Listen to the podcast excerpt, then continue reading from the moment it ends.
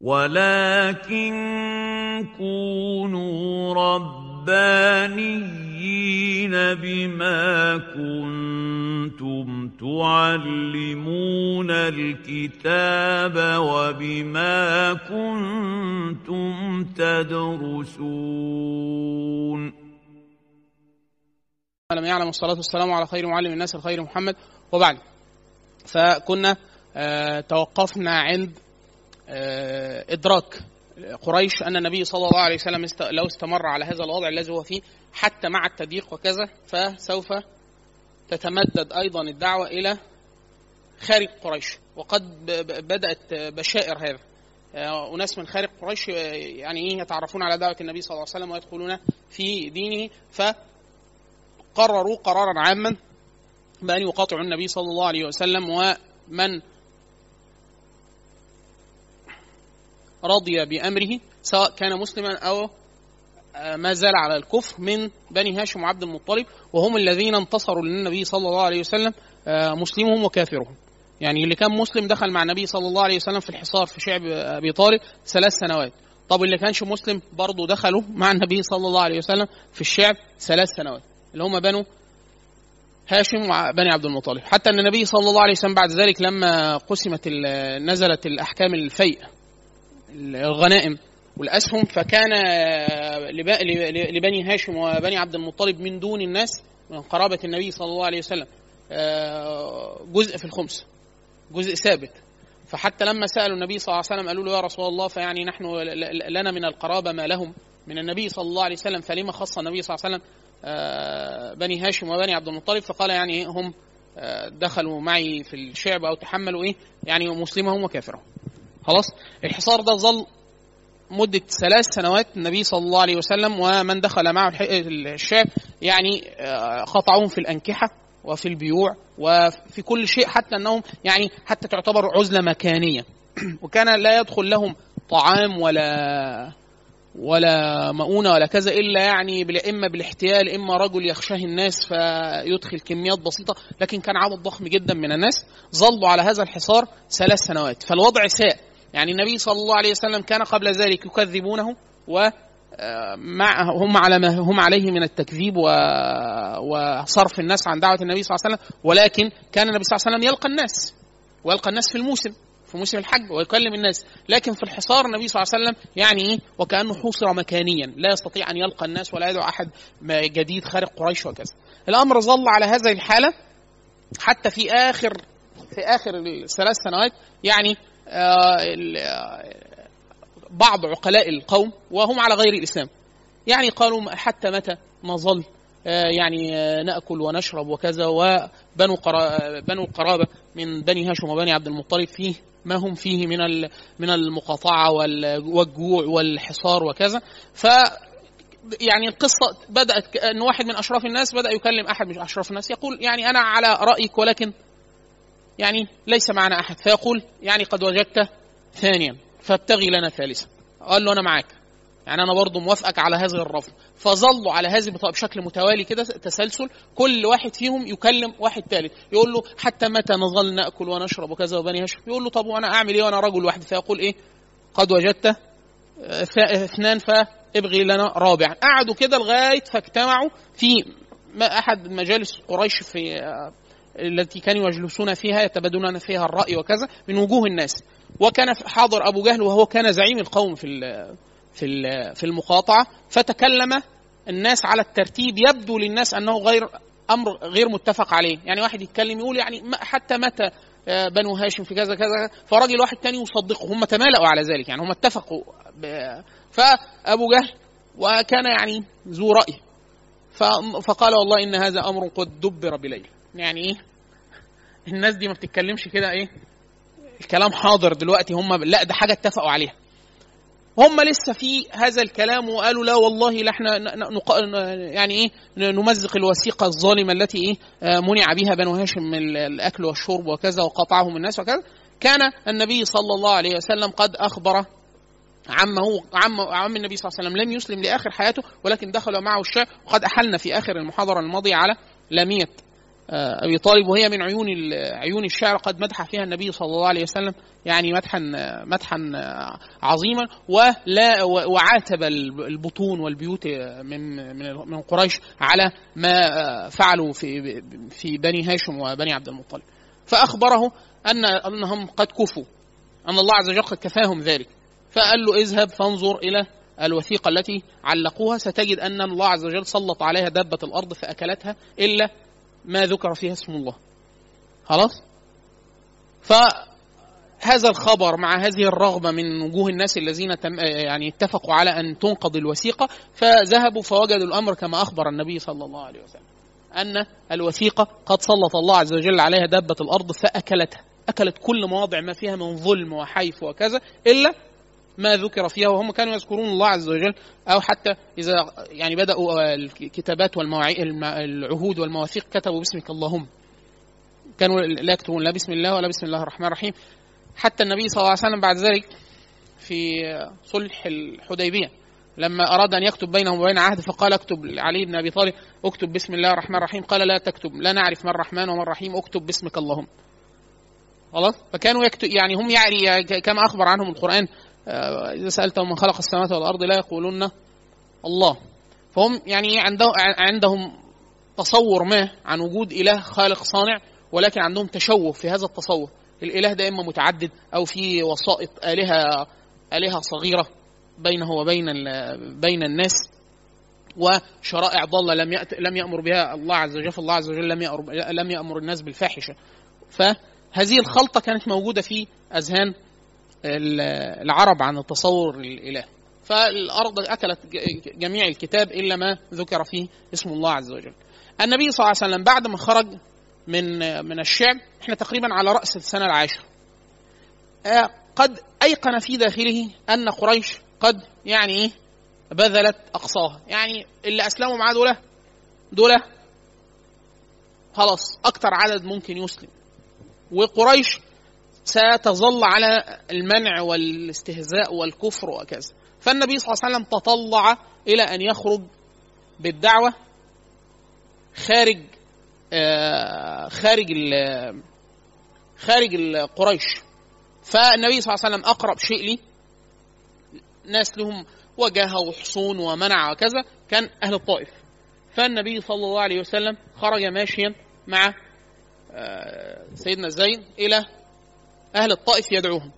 يعني طبعا هم أجابوه بأسوأ مما أجابه أهل قريش. حتى أن النبي صلى الله عليه وسلم بعد الإسلام وبعد الهجرة وبعد أن نصره الله عز وجل وأظهره على الناس قال لعائشة يعني يعني أشد شيء لقاه النبي صلى الله عليه وسلم من الناس ما أجابه به ابن عبد يليل اللي هم إيه؟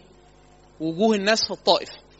واحد فيهم قال له لو أنت لو أنت نبي تبقى أنت أعظم من إن أنا أكلمك. ولو انت كذاب تبقى انت احقر من ان اكلمك. واحد تاني قال له أنا مش عايز اسمع حاجة وبتاع. فاجابوا على النبي صلى الله عليه وسلم إجابة سيئة جدا. يعني القرشيين كانوا يسمعوا من النبي صلى الله عليه وسلم وبينه وبين وبينه وبينهم وبين النبي صلى الله عليه وسلم من القرابة وكذا. فيعني كان حتى ردهم على ما فعلوا بالنبي صلى الله عليه وسلم في العشر سنوات السابقة دي كان أخف وطأ على النبي صلى الله عليه وسلم مما فعله. ودايما إيه؟ ال ال لو واحد زي زي النبي صلى الله عليه وسلم من بني هاشم وله رفعة في قومه وكذا يشق عليه أن يلقى من السفاهة ما لقي من أهل الطائف. وقد سلطوا على النبي صلى الله عليه وسلم صبيانهم وسفهاءهم يضربونه بالحجارة حتى أدموا قدم النبي صلى الله عليه وسلم وهو خارج من الطائف. الروايه يقول تقول عائشة رضي الله عنها في الحديث في البخاري ومسلم عن عائشة رضي الله عنها زوج النبي صلى الله عليه وسلم أنها قالت للنبي صلى الله عليه وسلم هل أتى عليك يوم كان أشد من يوم أحد؟ يعني يوم أحد قد قتل فيها أصحاب النبي صلى الله عليه وسلم وقتل عمه ومسل به وكاد النبي صلى الله عليه وسلم أن يقتل وهو قتل ناس من خير من خيار الصحابة يعني.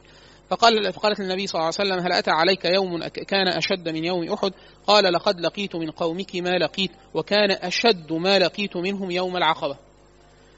إذ عرضت نفسي على ابن عبد آه، يليل ابن عبد كلال فلم يجبني إلى ما أردت اللي هم وجوه الطائف فانطلقت وأنا مهموم على وجهي فالرواية دي شديدة جدا. فيعني النبي صلى الله عليه وسلم لما أجابوه هذه الإجابة فلما خرج من الطائف فيقول فخرجت مهموم وأنا مهموم على وجهي فلم أستفق إلا وأنا بقرن الثعالب. ده ميقات أهل نجد. يعني هو مشى من الطائف لغاية ميقات بقرب الحل وهو مهموم لا من ال من ال من مما من مما نزل به من الهم لا يدري النبي صلى الله عليه وسلم كم سار وكذا. سار مسافة طويلة جدا. خلاص؟ وهو من الهم لا يعني لم يستفق. واحد تخيل واحد ماشي في صحراء وكذا. من الهم لا يدرك عشرات الكيلومترات التي قطعها ماشيا على قدميه من الهم الذي نزل به. صلى الله على محمد. فلم أستفق إلا وأنا بقرن الثعالب فرفعت رأسي فإذا أنا بسحابة قد أظلتني فنظرت فإذا فيها جبريل فناداني فقال إن الله قد سمع قول قومك لك. يعني الله عز وجل قد سمع ما أجابوك وما ردوا عليك وقد بعث الله إليك ملك الجبال لتأمره بما شئت فيهم. فناداني ملك, ملك الجبال فسلم علي ثم قال يا محمد. فقال ذلك فيما شئت إن شئت أن أطبق عليهم الأخشبين فيعني إيه؟ الأخشبين دول الجبال اللي حوالين مكة. فقال له لو لو لو أردت لو أمرتني فعلت. أن أطبق عليهم الأخشبين يهلك جميع أهل مكة ب بكل الذين كذبوا النبي صلى الله عليه وسلم. فقال النبي صلى الله عليه وسلم بل أرجو أن يخرج الله من أصلابهم من يعبد الله وحده لا يشرك به شيئا وقد فعل. يعني النبي صلى الله عليه وسلم لما صبر عليهم يعني أخوانا أنتوا عارفين الحتة دي يعني إحنا بنقولها كده هي رواية واقعا يعني دي عايزة من من الرحمة. وامتلاء الصدر بالشفقه على الخلق يعني لا يصح إلا قلب محمد. يعني واحد ناس لسه مكذبينه وضربوه وحاصروه وأجبروه أن زوج بنته وبنته يهاجروا. وتخيلوا النبي صلى الله عليه وسلم ما شافش بنته ليه سنوات لما هاجر عثمان بن عفان وبنت النبي صلى الله عليه وسلم. وضع شديد جدا. وضربوه وسبوه وصرفوا عليه السفهاء وأشاعوا بين الناس أنه مجنون وأنه كاهن وأنه وهو يملك وعشر سنوات تكذيب عشر سنوات. في واحد يقول لك إيه؟ فلان أنا كلمته مرتين في حاجة وزهقت وما بكلموش خلاص ما يعني عشر سنوات عشر سنوات وهم كفار وهم كفار. وهو يستطيع أن يهلكه جميعا إذا أمر الملك أن يهلكه ثم قال لا بل أرجو أن يخرج الله عز وجل من أصلهم. وقد فعل. يعني النبي صلى الله عليه وسلم لما قتلهم لما قتلهم حتى شهدوا أن لا إله إلا الله محمد رسول الله دخلوا في دين الله افواجا. عشان كده إحنا دايما كان يقول الحكيم الترمذي وده الحكيم الترمذي مش الترمذي صاحب السنن. الحكيم الترمذي صوفي كبير اختلف فيه الناس من الشخصيات القلقة في الإسلام. في منهم من كفره يقولون هو كافر. ومنهم من رفعه إلى درجة الولاية والرجل له كلام يعني كلام عليه نور كلام صالح. لكن ليه بعض الكلام قد لا يفهمه الناس. لكن يعني الكلام الذي لا يفهم لا يكفر عليه المرء. فالحكيم الترمذي كان له من المقولات يقول أن الله عز وجل في حال أمة محمد قد رفع عنهم العذاب العام. يعني إيه إحنا مش أمة نوح. فواحد يقول لك إيه إحنا نقعد صابرين كده وربنا يجي ياخد الظالمين كلهم يبعت لهم حاجة وإحنا إيه إن شاء الله إيه اللهم أهلك الظالمين بالظالمين يعني. خلاص؟ فلا ما ده دي مش دي مش أمة نوح. أمة نوح هو اللي يدعى عليهم المايه تيجي تاخدهم كلهم وهو يمشي مع المؤمنين. أما أمة محمد صلى الله عليه وسلم فقد رفع منها العذاب العام ووضع السيف. قاتلوهم يعذبهم الله عز وجل يعذبهم الله بأيديكم. هي دي الفكرة. أن أن الناس أن الناس المسلمون على الأرض هم عذاب الله عز وجل ورحمته. يعني هم الناس المسلمون لو جاهدوا في الله حق جهاده كانوا رحمة الله عز وجل للعالمين لأن قد يدخل الناس الجنة في السلاسل. حديث النبي صلى الله عليه وسلم إن في ناس بتدخل الجنة بسبب الأسر. أنه يقاتل المسلمين وهو كافر فيأسره المسلمين المسلمون. فإذا نظر إلى الإسلام وجده أنه دين حق وكذا فيدخل الجنة ففي الحديث يضحك الله عز وجل لقوم أو يعجب الله عز وجل لقوم يدخلون الجنة في السلاسل. سبب دخول الإسلام؟ الأسر الجهاد. فالجهاد يمنع الكافر من أن ينشر الكفر في الأرض ويحمي بيضة الإسلام وأراضي الإسلام وأرواح الإسلام وأعراضهم تمام؟ فالنبي صلى الله عليه وسلم رفع عنهم العذاب العام. يعني إن شاء أهلكهم بأن يأمر الملك. فرفع عنهم ذلك واختار أن يجاهد بالقرآن أن يجاهد بالدعوة وأن يجاهد بالسيف. وقد فعل. صلى الله على محمد. وكان النبي صلى الله عليه وسلم برضه بعد الخروج من الطائف كان كثير اللهج بهذا إن هو إيه يريد أن يبحث عن أقوام يحملونه أو يمنعونه. فقد منعته قريش من أن يبلغ كلام الله عز وجل. فالحديث في السنن عند أهل السنن عن جابر بن عبد الله قال كان رسول الله صلى الله عليه وسلم يعرض نفسه على الناس في الموقف. يعني إيه؟ أول ما خرج من الشعب خلاص عاد النبي صلى الله عليه وسلم لعادته أن يكلم الناس في الموقف اللي هو مثل هذه الأيام الشريفة يعني. في آه، في أيام الحج. وكان العرب تحج في الجاهلية ولكن على إيه؟ على على على جهل.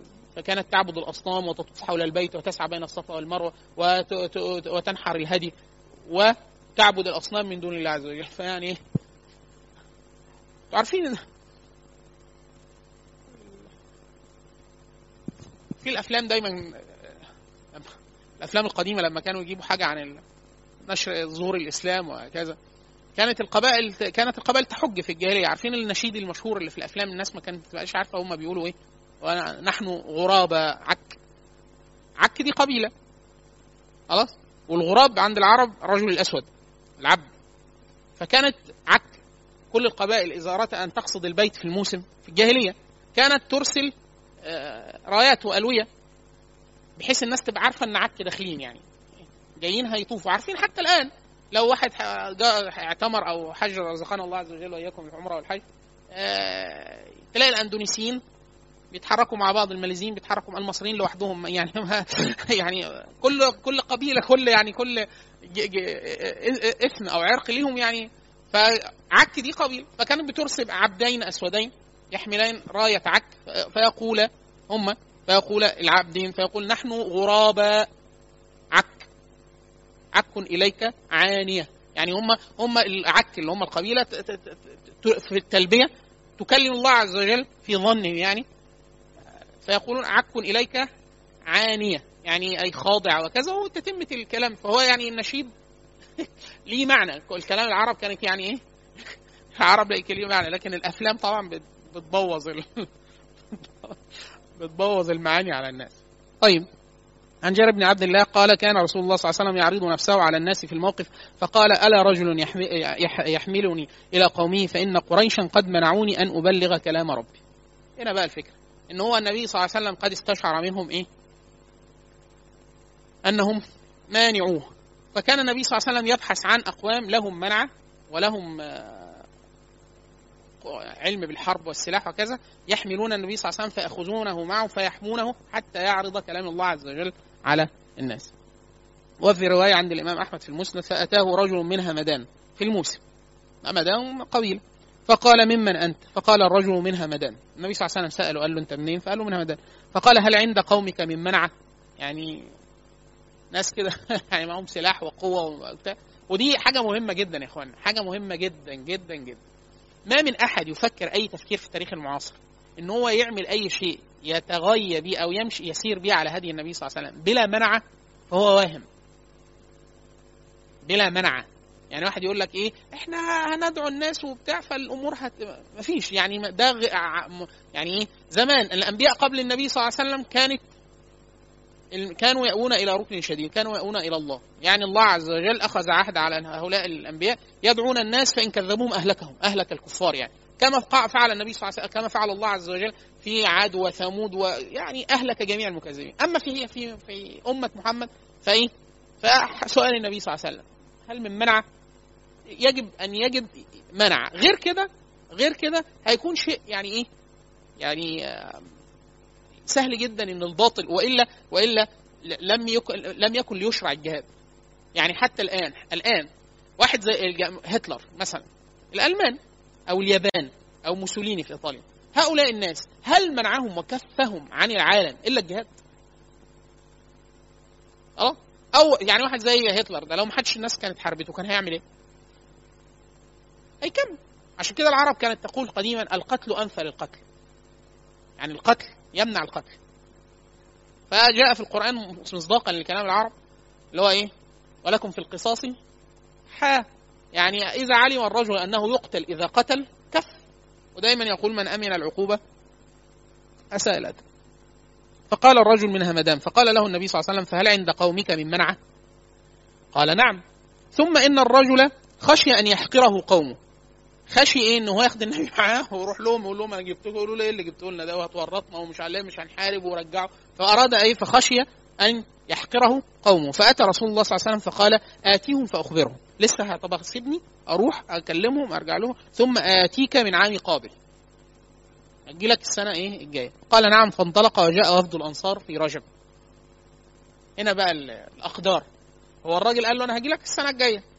وفد الأنصار جو لجو للنبي صلى الله عليه وسلم في رجب. فكلمهم النبي صلى الله عليه وسلم فاستبشر بهم وصدقوه. وقد حملوا دين الله عز وجل. تمام؟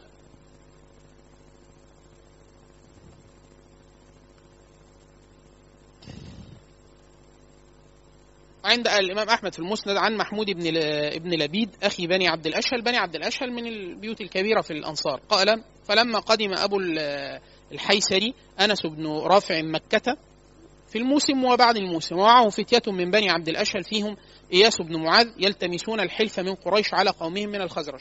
قد وقع بين الأوس والخزرج حتى بعض المؤرخين وأصحاب السير يقولوا أن الله عز وجل يعني من أقدار من من الأقدار التي صرفها قبل مجيء النبي صلى الله عليه وسلم أنه هو كان حصل مختلة شديدة جدا بين الأوس والخزرج. خلاص؟ فتفانى فيها كبار القوم. كل رؤوس الناس الكبار ماتوا. اللي هم كانوا يكذبوا النبي صلى الله عليه وسلم عشان كده النبي يصح عنه أنه صلى الله عليه وسلم يقول كذبتني. آه، الشيوخ ونصرني الشباب. الناس الكبار صعب جدا إن هو يغير أفكاره. يعني تقول له ده الصح أو الصواب يقول لك يعني إحنا كل اللي كل عينيه غلط. طب يعني اللي قاله لي بابا غلط طب اللي قاله الشيخ غلط. حاجة عايش عليها ليه 50 60 سنة؟ أما الشاب فإيه؟ فطري جديد. أي حاجة إذا عرضت عليها تحملها وقام لها. خلاص؟ فيقولون من رحمات الله عز وجل من من ترتيب الأقدار يعني أنه وقع مقتله شديده بين الأوس والخزرج فين؟ في المدينة فتفانى فيها رؤوس الناس وبقي الأنصار الشباب فحملوا النبي صلى الله عليه وسلم لما آه، فهم كانوا جايين يعملوا إيه؟ المقتلة لما وقعت فيهم قالوا إحنا نروح نستنصر بمين؟ بالقرشيين إما بالمال إما بالأحلاف أو الناس كانت تهاب قريش عشان الأحلاف التجارية وكذا فيمكن إيه يدخلوا معهم في حلف ينتصروا به على من؟ هزموهم من بني قومهم. يلتمسون الحلف من قريش على قومهم من الخزرج. سمع بهم رسول الله صلى الله عليه وسلم. أول ما عرف النبي صلى الله عليه وسلم ان وده دايما برضه يقولوا في في في في, في, في, فقه الدعوة يعني إن الداعيه لله الذي يدعو الناس إلى الله عز وجل ويكون وريث النبي صلى الله عليه وسلم ما يكونش درويش. يعني إيه؟ تقول له هو إيه اللي بيحصل في كوريا الشمالية؟ يقول لك اللي هي إيه؟ آه، مين رئيس أمريكا؟ اللي هو مين؟ لك دع الملك لله. يعني دع الملك للمالك يعني انت مش عارف أي حاجة بتحصل في العالم. لا مش عارف الناس بتعمل إيه. لا الاقتصاد العالمي ماشي إزاي. لا وعايز تدعو الناس لدين الله عز وجل. فيعني إيه؟ ما تستقمش النبي صلى الله عليه وسلم هو عارف القبائل اللي اتخانقت مع بعض وعارف مين جاي الموسم وعارف مين جاي يعمل إيه. يعني إيه؟ متابع. متابع اللي بيحصل يعني. فإيه؟ سمع بهم رسول الله صلى الله عليه وسلم فأتاهم فجلس إليهم فقال لهم هل لكم إلى خير مما جئتم إليه؟ أعرض عليكم حاجة أحسن من اللي أنتم كنتوا جايين تعملوها. قالوا وما ذاك؟ قال أنا رسول الله صلى الله عليه وسلم. بعثني إلى العباد أدعوهم إلى أن يعبدوا الله لا يشركوا به شيئا و... و... و... وأنزل علي كتاب. يعني أنا نبي وربنا أمرني بالتوحيد ومعايا كتاب يتلى. ثم ذكر الإسلام وتلا عليهم القرآن فقال إياس بن معاذ وكان غلاما حدث. وكان غلاما حدث. يعني شاب. أي قومي هذا والله خير مما جئتم له. يعني الراجل ده لو حملناه أحسن من اللي إحنا جايين نعمله. قال فأخذ أبو الحيسري أنس بن رافع آه، حفنة من البطحاء. ده كبير القوم. أبو الحيسر ده. فضرب بها في وجهه. فقال له فضرج فضرب بها آه، وجه إياس بن معاذ. وقال رسول الله صلى الله عليه وسلم وقام رسول الله صلى الله عليه وسلم عنه. يعني الراجل الكبير قال له بس أنت إيه اللي بتقوله ده؟ حاجة كده. وانصرفوا إلى المدينة فكانت وقعته بعاث بين الأوس والخزرج. أول ما رجعوا حصلت إيه؟ وقع مقتلة تانية فقتل فيها رؤوس الناس منهم ال...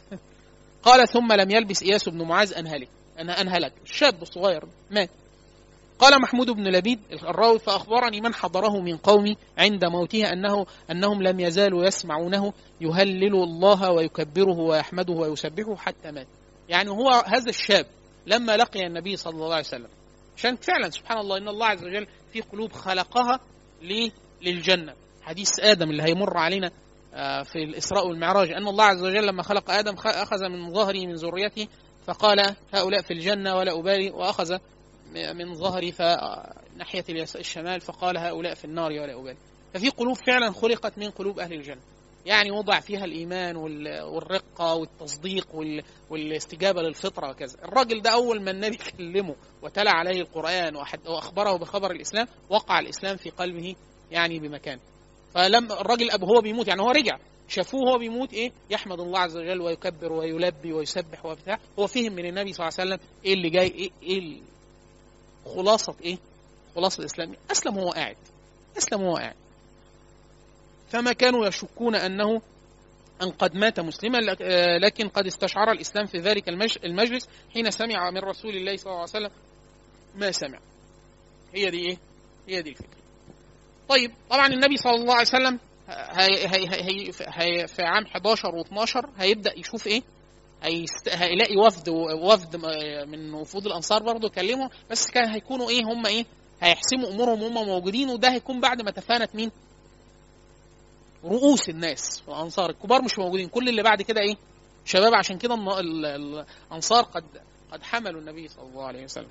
وكلمة أنصار دي على فكرة يا اخوانا كبيرة جدا جدا. حتى النبي صلى الله عليه وسلم لما عتبوا عليه بعد ذلك في غزوة حنين فقال والله لولا الهجرة لكنت امرأ من الأنصار. ليه؟ إن هو الأنصار يعني أنصار إيه؟ أنصار الله عز وجل أنصار الله ورسوله. هم دول نصروا الدين وحملوا الناس بالسيف حتى أذعنوا لقول لا إله إلا الله محمد رسول الله. ومنهم أهل النبي صلى الله عليه وسلم. يعني النبي صلى الله عليه وسلم هم دول اللي فتحوا مكة. وهم الذين عبدوا ال- الناس لطاعة الله عز وجل وبتاع. فعشان كده حتى النبي صلى الله عليه وسلم يعني جعل حب الأنصار من الإيمان. حب الأنصار من الإيمان. ولا يستطيع يتمكن الإنسان في العصور الم- المتأخرة زي يعني اللي عندنا إحنا. إن هو. أصل ده من شعب الإيمان. حب الأنصار من الإيمان. إلا إن هو يعرف الأنصار. يعني يقرأ السيرة فيعرف أخبار الأنصار وتراجم الصحابة اللي هم من الأنصار كيف بذلوا.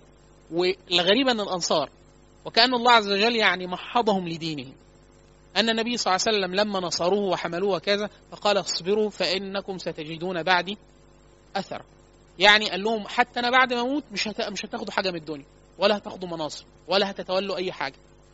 فاصبروا فإن موعدكم الحوض. يعني أنتوا بتعملوا ده ليه عشان الجنة بس.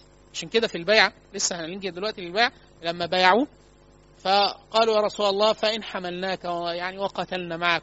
ف... فما لنا. كل كتب السير تقول كلها ان النبي صلى الله عليه وسلم قال لهم كلمة واحدة. قال لهم إيه؟ الجنة. يعني إن فعلتم ذلك دخلتم الجنة. في حاجة تاني؟ لا هتاخدوا فلوس؟ لا. مناصب؟ لا. بعد أنا هتفتح عليكم الدنيا؟ برضه لا. عشان كده الأنصار حتى بعد النبي صلى الله عليه وسلم أظن مرة واحد من الأنصار كان أيام خلافة عمر بن الخطاب وقد بتوزع برد آه، يعني اللي هي العبايات يعني وكده. فواحد من الأنصار قسمت عليه آه، برده فالناس طبعا هم تجار وعارفين أنواع الأقمشة وكده. فمعدي واحد شاب حديث السن ليس له بذل في الإسلام ولا تاريخ ولا بتاع ولابس حاجة إيه؟ وزع عليه برد آه، غالي جدا. فخده قال له تعالى خد وراح واخده وراح لعمر الخطاب. قال له إيه ده؟ قال له إيه ده؟ سيدنا عمر الخطاب بص له كده. فقال له سأله. ما تسالنيش أنا. اساله هو. جبته منين ده؟ قال له لا أنا كنت وزع عليه برد عادي ولقيت واحد من وجوه الناس واحد من. ليهم سبق في الإسلام. وزع عليه هذا الإيه؟ فأنا ساومته عليه فاشتريته فاشتريته فلبسته. فالصحابي يعني اتكسم سيدنا الخطاب قال له أنا إيه؟ يعني إيه؟ أصل أنا ظنيت يعني وقد أخبرنا النبي صلى الله عليه وسلم أن سنجد بعده أثر قال له لا مش في أيامي أنا. يعني مش أنا اللي هعمل كده. ده بعدي وقد فعلوا وقد يعني قتلهم الناس. طيب النبي صلى الله عليه وسلم على رأس عام عشرة اجتمعت عليه الأحزان. يعني كان النبي صلى الله عليه وسلم لم يجد من يحمله لسه لغاية دلوقتي ثم توفي عمه. توفي عم النبي صلى الله عليه وسلم. كان عم النبي صلى الله عليه وسلم يحميه وكان الناس يعني هو له من الوجاهة والمكانة آه، حتى لما حصروه حصروه. يعني حتى ال- النوع النوع ال- ال- العقوبة اللي نزلت معاه أيام ما كان مع عمه برضه عشان مقامه. ليه؟ العرب هو الرجل كان ليه من المهام المتعلقة بالبيت السقاية والرفادة والحجابة واللواء وكذا. فكان ليه من المكانة والهيبة والسن وكانت العرب إيه؟ تقدره خاصة القرشيين. فلما مات اجترأ عليه الناس بما لم لم يكونوا يجترئون عليه في حياة عمه. فشق ذلك على النبي صلى الله عليه وسلم. ثم اللي هو إحنا بنسميه في السيرة عام الحزن آه ثم توفيت خديجة. فالنبي صلى الله عليه وسلم فقد من يعينه خارج البيت. وهو عم كان يحميه وينصره وكذا. وفقد من يحوطه. يحوطه يعني بس دي الإحاطة القلبية. يعني هو دي الوحيدة الوحيدة على وجه الأرض اللي هي أول ما هو خاف النبي صلى الله عليه وسلم ولسه هو ما استقرش في قلبه إن هو نبي قالت له لا والله لا يخزيك الله أبدا فتخيلوا إن هو فقد خديجة وفقد عمه وما زال الناس على تكذيبه على أشد التكذيب. فيعني شق ذلك على النبي صلى الله عليه وسلم. ودائما الله عز وجل يعني مما عود نبيه أنه كلما اشتد عليه التكذيب أو الإيذاء كان الله عز وجل يطيب خاطر النبي صلى الله عليه وسلم. فيعني فيما ذكرناه هنا في بعض المحاضرات أن النبي صلى الله عليه وسلم قد ضربه بعض أهل مكة حتى يعني إيه سال الدم على وجهه الشريف فجاءه جبريل فقال يعني إيه ما لك؟ فقال ضربني أهل مكة أو يعني قد فعلوا وفعلوا. فقال له إيه؟ ألا أريك آية؟ عشان يطمئن؟ قال نعم. فقال فأشار إلى شجرة فجاءت سعت حتى مثلت أمام النبي صلى الله عليه وسلم فسلمت عليه ثم عادت قال يرضيك؟ قال نعم. فكان النبي صلى الله عليه وسلم بقدر ما يؤذى بقدر ما الله عز وجل إيه؟ يعني يطيب خاطره وكذا. حتى هو عائد من الطائف. برضه لما شق عليه الأمر الله عز وجل أرسل إليه شيئين. واحد أنه لما إرتاح في ظل بعض البساتين. أرسل له الله عز وجل نسمة أسلم اللي هو العداس اللي هو الغلام غلام عتبة أو شيبة مش عارف مش فاكر مين فيهم. فأسلم. ودي ده كان أهم حاجة عند النبي صلى الله عليه وسلم. يعني لو واحد جاله أسلم فده كان إيه؟ النبي صلى الله عليه وسلم مستشعر استشعار التكذيب ده صعب جدا. يعني هو يعلم أنه نبي ويعلم أنه خاتم الأنبياء والمرسلين. ثم يكذبه الناس. فلما يلاقي واحد يتابعه على يسلم أو يدخل في الإسلام أو يشهد أن لا إله إلا الله رسول فده كان يطيب خاطر النبي صلى الله عليه وسلم. ثم أرسل إليه ملك الجبال وكانه يقول له يعني إيه؟ أنك لست وحدك. أنك لست وحدك. وإن شاء الله عز وجل مكنك من قوة أزاحت كل خصومك. ولكن الله عز وجل يختار لك انهي طريق طريق الرسل. يعني إيه؟ الدعوة والصبر والجهاد وقد اختاره النبي صلى الله عليه وسلم هذا الطريق يعني. تمام؟ فكان برضو العام عام عشر لما شق ذلك على النبي صلى الله عليه وسلم. حتى هو كان يقول لعائشة يعني بعد ذلك يقول يعني ما نالت مني قريش ما أكره إلا بعد وفاة أبي طالب. وكان من أشق شيء على النبي صلى الله عليه وسلم أن أبي طالب لما مات لما مات عرض النبي صلى الله عليه وسلم عليه الإسلام فلم يسلم. وده شق جدا على نفس النبي صلى الله عليه وسلم. حديث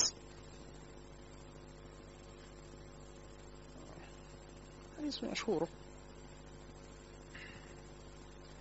حديث عند البخاري ومسلم عن سعيد بن المسيب عن أبيه قال لما حضرت أبي طالب الوفاة جاء رسول الله صلى الله عليه وسلم فوجد عنده أبا جهل وعبد الله ابن ابن أبي أمية بن المغيرة فقال أي عم قل لا إله إلا الله كلمة وحاج لك بها عند الله. يعني قول بس لا إله إلا الله وأنا إيه؟ وأنا أشفع لك عند الله عز وجل. فقال أبو جهل وعبد الله بن أبي أمية أترغب عن ملة عبد المطلب؟ فلم يزل رسول الله صلى الله عليه وسلم يعرضها عليه ويعيدانه ويعيدانه بتلك المقالة. كل ما النبي يقول له كده هم يقولوا له إيه؟ كده حتى قال أبو طالب آخر ما كلمهم على ملة عبد المطلب. وأبى أن يقول لا إله إلا الله. قال قال رسول الله صلى الله عليه وسلم والله لأستغفرن لك ما لم أنه عنك. يعني ظل النبي صلى الله عليه وسلم يستغفر له حتى نزل الله عز وجل حتى نزل قول الله عز وجل فأنزل الله ما كان النبي والذين آمنوا أن يستغفروا للمشركين. وأنزل الله في في أبي طالب وأنزلها يعني الله عز وجل أنزل هذه الآية في أبي طالب. فقال لرسول الله صلى الله عليه وسلم إنك لا تهدي من أحببت ولكن الله يهدي من يشاء. وده برضو إيه؟ شق على النبي صلى الله عليه وسلم أن يكذبه أحب الناس إليه ومن يعني حاطه ومنعه ونصره وكذا. حتى يصح أن النبي صلى الله عليه وسلم لما سئل يعني قالوا له هل أنت يعني تغني عن أبي طالب وقد حماك وأواك قال نعم وجدته في يعني في النار فجعلته في ضحضاح من النار يعني فأقل عذاب النار يعني عزم الله إياك. طيب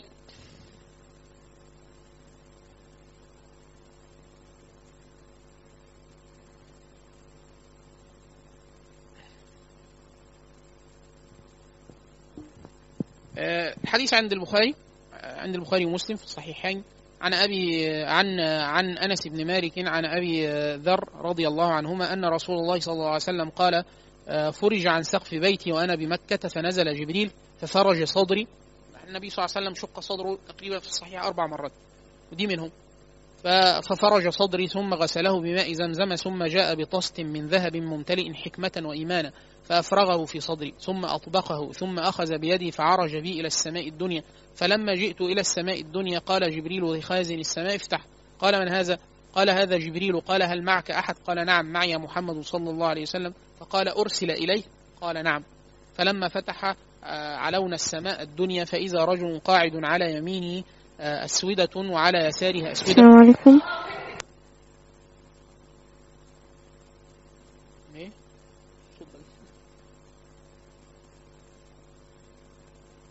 السودة يعني السواد اللي هو الشخص لك لما آه رأيت آه. السلام عليكم. إيه؟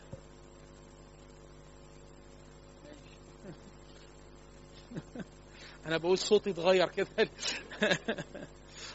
وعن يساري أس- أسودة إذ إذا نظر قبل إذا نظر قبل. يمينه ضحك وإذا نظر نظر قبل يساره بكى. فقال مرحبا بالنبي الصالح والابن الصالح. قلت لجبريل من هذا؟ قال هذا آدم. وهذه الأسودة عن يمينه وشماله نسم بنيه. يعني وإذا نظر على يمينه وجد أشخاص يعني أبناء آدم آه، نحن على يمينه إن شاء الله. وعلى وناس على يساره. فقال من هذا؟ قال هذا آدم وهذه الأسودة عن يمينه وشماله نسم بنيه فأهل اليمين منهم أهل الجنة. نسأل الله عز وجل وإياكم أن نكون منهم. والأسودة التي على شماله أهل النار فإذا نظر عن يمين عن يمينه ضحك وإذا نظر قبل شماله بكى. حتى عرج بي إلى حتى عرج بي إلى السماء الثانية فقال لخازنها افتح. فقال له خازنها مثل مثل مثل ما قال الأول. يعني من هذا جبريل؟ من معك؟ معك أحد محمد قال أرسل إليه؟ نعم ففتح لهم ففتح. قال أنس فذكر أنه وجد في السماوات آدم وإدريس وموسى وعيسى وإبراهيم صلوات الله عليهم ولم يثبت كيف منازلهم غير أنه ذكر أنه وجد آدم في السماء الدنيا وإبراهيم في السماء السادسة. قال أنس فلما مر جبريل بالنبي صلى الله عليه وسلم بإدريس قال مرحبا بالنبي الصالح والأخ الصالح. فقلت من هذا؟ قال هذا إدريس. ثم إذا مررت بموسى فقال مرحبا بالنبي الصالح والأخ الصالح. قلت من هذا؟ قال هذا موسى. ثم مررت بعيسى فقال مرحبا بالأخ الصالح والنبي الصالح. قلت من هذا؟ قال هذا عيسى. ثم مررت بإبراهيم فقال مرحبا بالنبي الصالح والابن الصالح. قلت من هذا؟ قال هذا إبراهيم صلى الله عليه وسلم.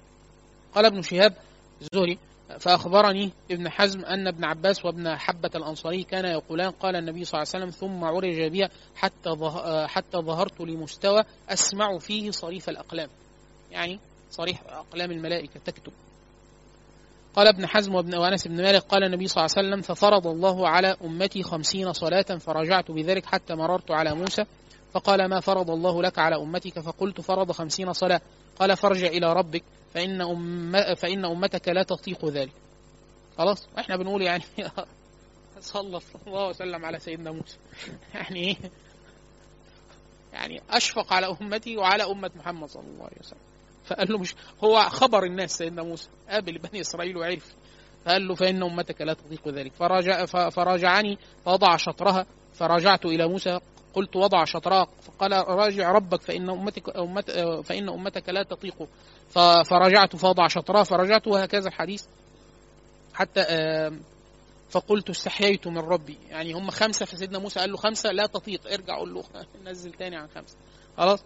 فاستحييت من ربي ثم انطلق بي حتى انتهى بي إلى سدرة المنتهى وغشيها ألوان لا أدري ما هي ثم أدخلت الجنة. فإذا هي فإذا فيها حبايل اللؤلؤ حبايل اللؤلؤ وإذا ترابها آه المسك.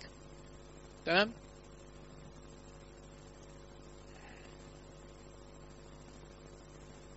طبعا يعتبر من من أطول الأحاديث أحاديث ال- طبعا ليه روايات تانية فيها بعض الزي- الزيادات يعني.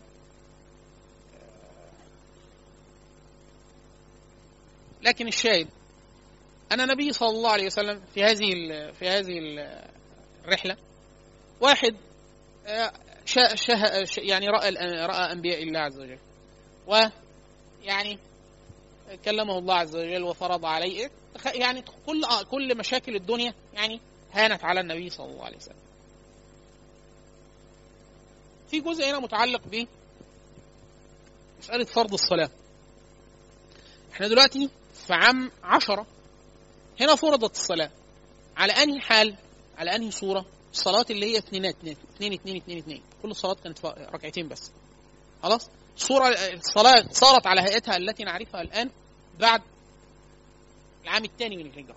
يعني بعد 15 سنة من البعثه ليه إحنا بنقول كده برضه عشان المساله اللي إحنا كنا أشرنا ليها قبل كده.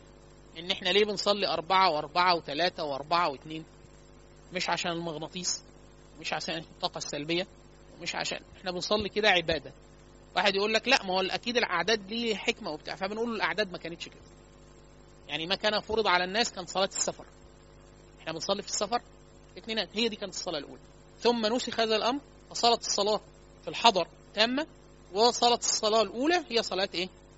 السفر. فبرضه فكرة الأعداد إحنا دايما بنقول إن التكليفات كلها تكليفات إيه؟ تكليفات يعني تعبدية محضة. وإحنا الصلاة بنقول هي كانوا خمس صلوات؟ لا كانوا خمسين. خلاص؟ فهي فكرة إيه؟ الأعداد دي دي تعبدية محضة. تعبدية محضة. الحاجات اللي صاحب الشريعة قال فيها سبب هي دي اللي إحنا بنقول إيه؟ آه دي ليها حكمة وندور عليها وكده. لكن في العبادات معظمها توقيفيه يعني زي مثلا القبله ليه إحنا بنصلي ناحية مكة؟ عشان مركز الأرض وعشان مغناطيس. إحنا قلنا الكلام ده كله إيه؟ مش صحيح. وإلا ما كانش النبي والصحابة صلوا 15 سنة ناحية بيت المقدس. وهو في الآخر هنا بقى مفاجأة إن صاحب الشريعة نفسه الله عز وجل الآمر قال هو كان آمر بالقبلة ليه؟ وما جعلنا القبلة التي كنت عليها إلا لنعلم من يتبع الرسول مما ينقلب على عقله هو بس ده. هي فكرة عملية تعبيد وطاعة. تعبيد وطاعة. وده بيوفر على الإنسان إيه؟ حاجات كتير يعني. تمام؟ طيب. برضه في أحاديث طويلة جدا في وصف آه في الإسراء والمعراج. منها برضه النبي صلى الله عليه وسلم أطلع على آه بعض بعض العذاب لأهل المعاصي والذنوب معينة ليها عقاب معين. تمام؟ وصايا الأنبياء للنبي صلى الله عليه وسلم. دايما تلاقي الموضوع متعلق إحنا مع الرحلة كلها متعلقة بالصلاة بالصلاة آه وصف الذنوب وعقابها. آه وصايا الأنبياء. سيدنا إبراهيم يقول للنبي صلى الله عليه وسلم يصيب الذكر. فاعلم أن غراسها كذا يعني إيه؟ دايما إحنا بنقول إن إحنا أحيانا بن بنتعب نفسنا في حاجات كتيرة جدا ويكون مداخل الجنة سهله سهلة ميسرة. حديث النبي صلى الله عليه وسلم الجنة أقرب إلى أحدكم من شراك نعله والنار كذلك. يعني أقرب إليكم من النعل. الجنة. ليه؟ من أطأ حديث النبي صلى الله عليه وسلم كل أمتي يدخلون الجنة. إلا من أبى. قالوا يا رسول الله ومن يأبى ومن يأبى يا رسول الله؟ قال من أطاعني دخل الجنة ومن عصاني. وقد أبى. فالمسألة إيه؟ مسألة سهلة. لما تشوف تركيز الأنبياء النبي صلى الله عليه وسلم لما اجتمع الأنبياء صلوا مع بعض. وبعد كده لما عرج به إلى السماء الأنبياء الوصايا سيدنا موسى متعلق بالصلوات سيدنا إبراهيم بالأذكار وهكذا. فيعني إيه؟ الدخول على الله عز وجل له طريق وكأنه إيه؟ آه معروف معروف مؤثر يعني. تمام؟ الناس أحيانا بي يعني بتحرق أعصابها في حاجات آه يكون الموضوع بعد كده أبسط بكتير من كده. طيب. آه برضو من المتعلق بال المتعلق بالرحلة تلقي الناس للأخبار التي التي يشق عليها العقل تشق على العقل. يعني سيدنا أبو بكر الصديق راجل يعني في كل المواضع رد واحد. يعني قالوا له ده على فكرة النبي صلى الله عليه وسلم بيقول إن هو راح بيت الحرام في ليلة واحدة. ما قال لهمش المعراج لسه. خلاص؟ هم مش مصدقينه. بيقولوا له إحنا بنروح في شهر. أنت بتقول رحت في ليلة. سيدنا أبو بكر الصديق مساله يعني نحن نصدقه في خبر السماء. ألا نصدقه في أمر كذلك؟ كهذا. يعني هو النبي بيقول لنا في وحي بيجي له وبتاع هو مش شايف فأنا هو بي... أنا مصدقه في ده مش هصدقه في حاجة تانية. عشان كده في أحيانا في ناس كتير جدا التعامل مع نصوص شرعية عايزها إيه؟ عايز تعملها أكنها فيزياء أو كيمياء أو بتاع. يقول لك يعني الكلام لازم يكون منطقي وعقلي وبتاع. فأنا بقول لا المنطق ده ما يسيرش ما يسريش على الإيه؟ النصوص الشرعية. منها الإسراء والمعراج والمعجزات الحسية للنبي صلى الله عليه وسلم. وكذا التعامل مع تكليف الديانة. إلا بشرط واحد إن إحنا نستوثق أنه قد قاله الله عز وجل وقد قاله النبي صلى الله عليه وسلم وده مراده اللي هو بيبحث في الفقه. لو ده مراده خلاص العلماء مجمعين على كده يبقى كده إيه؟ خلاص الأمة مجمعة على ده الصحابة عملوا كده والتابعين عملوا كده. فهم كانوا أهدى أهدى منك قلبا وعقلا وأرشد منك خلاص فنحن على مثل ما كانوا عليه. فكر شكله غريب الحديث شكله مش منطقي أصل الطب الحديث أصل مش مجدي قوي عشان كده سيدنا أبو بكر الصديق كانت الإجابة إيه؟ سهلة. قالوا له أنت مصدق إن هو يقطع المسافة في يوم وهي بتتقطع في شهر؟ فقال لهم يعني أنا أصدقه في أمر السماء. هو بيقول لي في ملك بيجي له وبتاع. بالفعل. لما النبي صلى الله عليه وسلم بعد كده هيتكلم في حاجة هيتكلم في حاجة أصعب بكتير. هم مش مصدقين إن هو إيه؟ ده هو بيقول لهم أنا إيه؟ عرج بي إلى السماء السابعة هو إيه ونزل وإيش؟ فراشه لسه يعني وأنت أصلا متصور يعني إيه ملائكة؟ يعني متص... متص... يعني أنا عندك تصور عن ذات الله عز وجل عشان أنت تتصور إيه اللي إيه اللي هو ممكن ولا مش ممكن ولا صعب ولا سهل وكده. تمام؟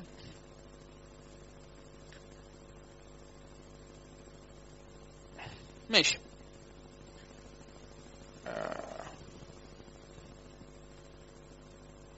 ماشي. عند الإمام أحمد في في المسند عن أنس بن مالك ودي مشاهدات النبي صلى الله عليه وسلم أثناء الرحلة. قال قال رسول الله صلى الله عليه وسلم مررت ليلة أسري بي على قوم تقرض شفاهم تقرض شفاهم بمقاريض من نار. تقطع شفايفهم يعني. قال قلت من هؤلاء؟ قالوا خطباء خطباء من أهل الدنيا. عز الله أن نكون منهم. كانوا يأمرون الناس بالبر وينسون أنفسهم وهم يتلون الكتاب أفلا يعقلون؟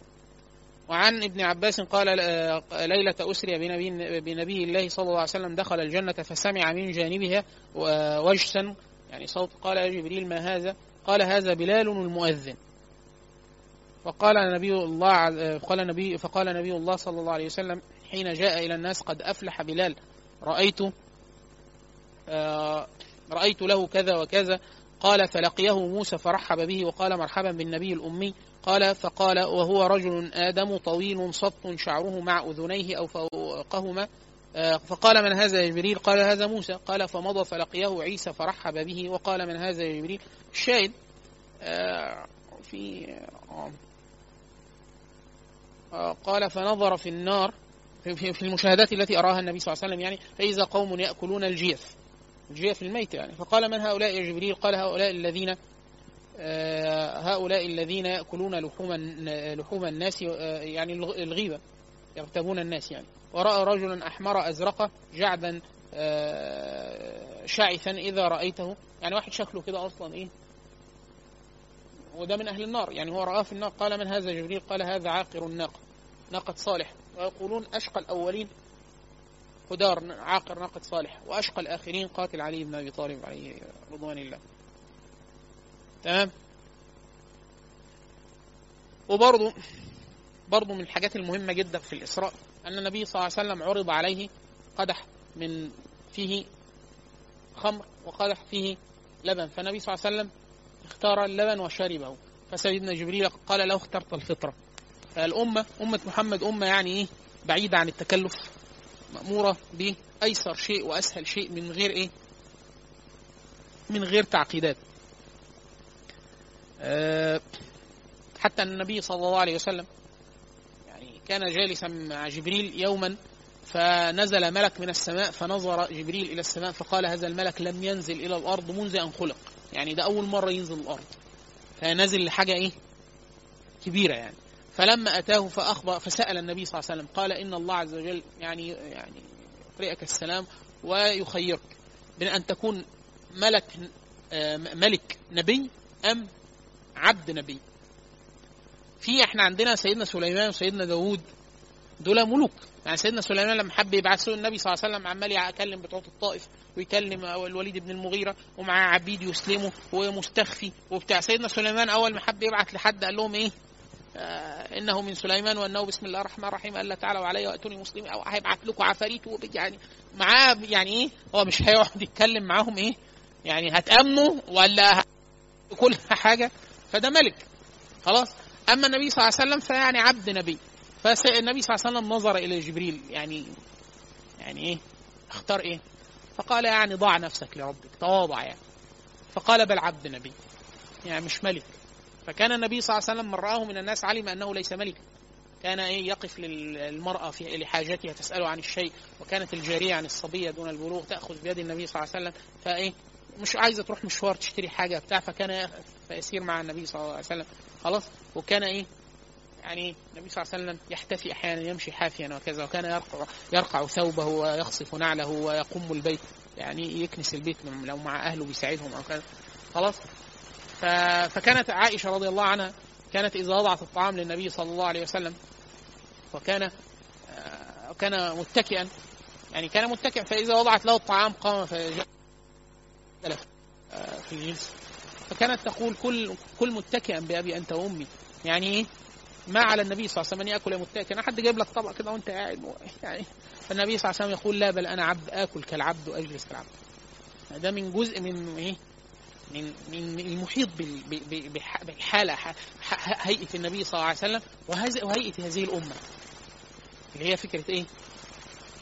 الضعة عشان كده سيدنا عمر بن الخطاب لما رآه الناس اللي كان عندهم علم بالكتب القديمة زي الهرمزان قائد الفرس وكذا لما رأى عمر بن الخطاب هدومه مقطعه ونايم في المسجد وبتاع فقال اذا هو نبي. الحالة دي حالة إيه؟ مش كده إحنا بنقول ده خليفه إن هو يفعل فعل النبي صلى الله عليه وسلم. فقال له لا. سيدنا المغيرة بن شعبة قال له لا ليس نبي إذ لا نبي بعد محمد صلى الله عليه وسلم إلا أنه يفعل فعل الأنبياء. عمر بن الخطاب. هو دي الفكرة. من حالة حالة الأمة حالة متابعة للنبي صلى الله عليه وسلم. لو واحد ادعى أنه يتبع النبي صلى الله عليه وسلم على غير هدي النبي صلى الله عليه وسلم كاذب. يعني النبي صلى الله عليه وسلم وصفه معروف. يعني هو ده هديه. تلتزم بهديه كده انت نقدر نقول إن انت هذه الأمة يعني كانت إيه؟ ليه؟ عبد نبي وليس إيه؟ لملك نبي. وكانت على الفطر. يعني الأمور إيه؟ أمور بسيطة يعني.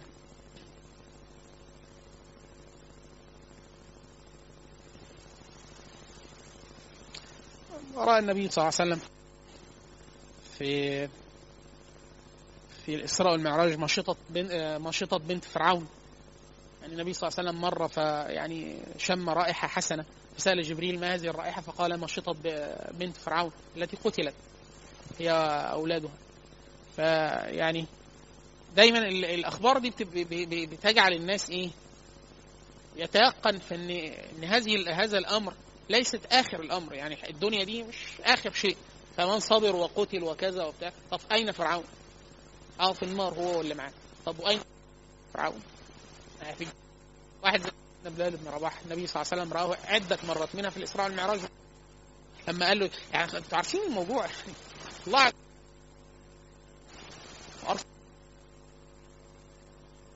يجي واحد سيدنا جبريل يقول له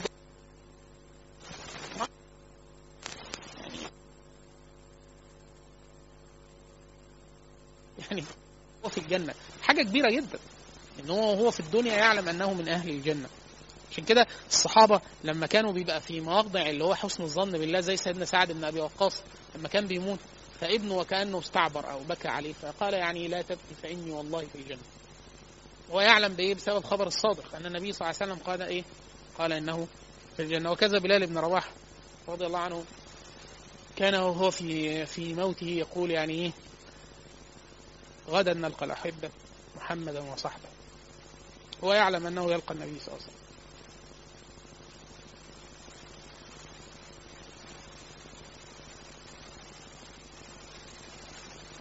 تمام.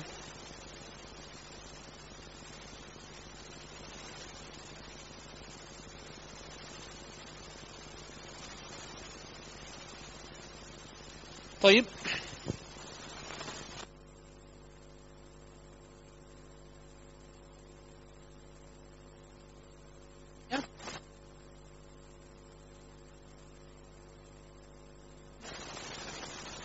يحمل هذه الرسالة.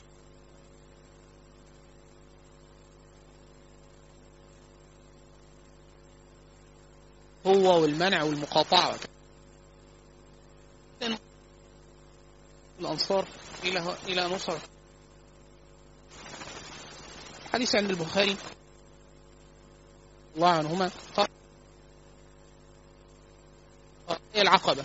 يعني كانوا الاثنين شاهدوا وهو معاه وهم معاهم بس كان صغير باعت العقبة الأولى. قال أبو عبد الله قال قال ابن عيينة أح- أحد خلانه يعني آه، سيدنا البراء بن معرور.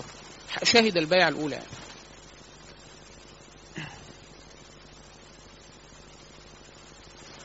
عن جابر أنصاري يعني يقول حديث في المسند عن الإمام أحمد قال مكث رسول الله صلى الله عليه وسلم بمكة آه، عشر سنين. يتبع الناس في منازلهم بعكاظ ومجنة في- وفي المواسم اللي هي الأسواق الكبرى. يكلم الناس ويدعوهم للإسلام ولا ولا يستجيب أحد إلا أعداد قليلة. من يأويني؟ من ينصرني؟ حتى أبلغ رسالة ربي وله الجنة.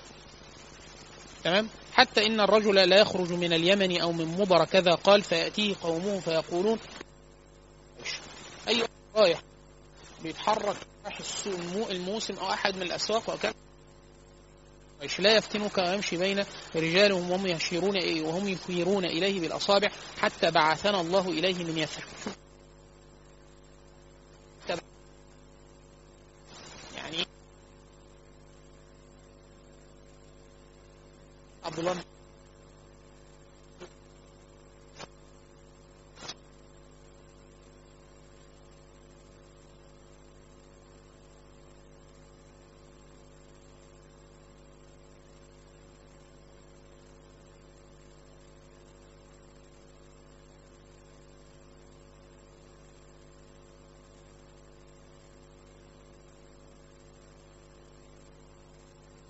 قلنا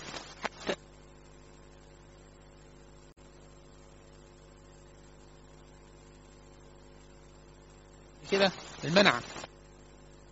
خلاص.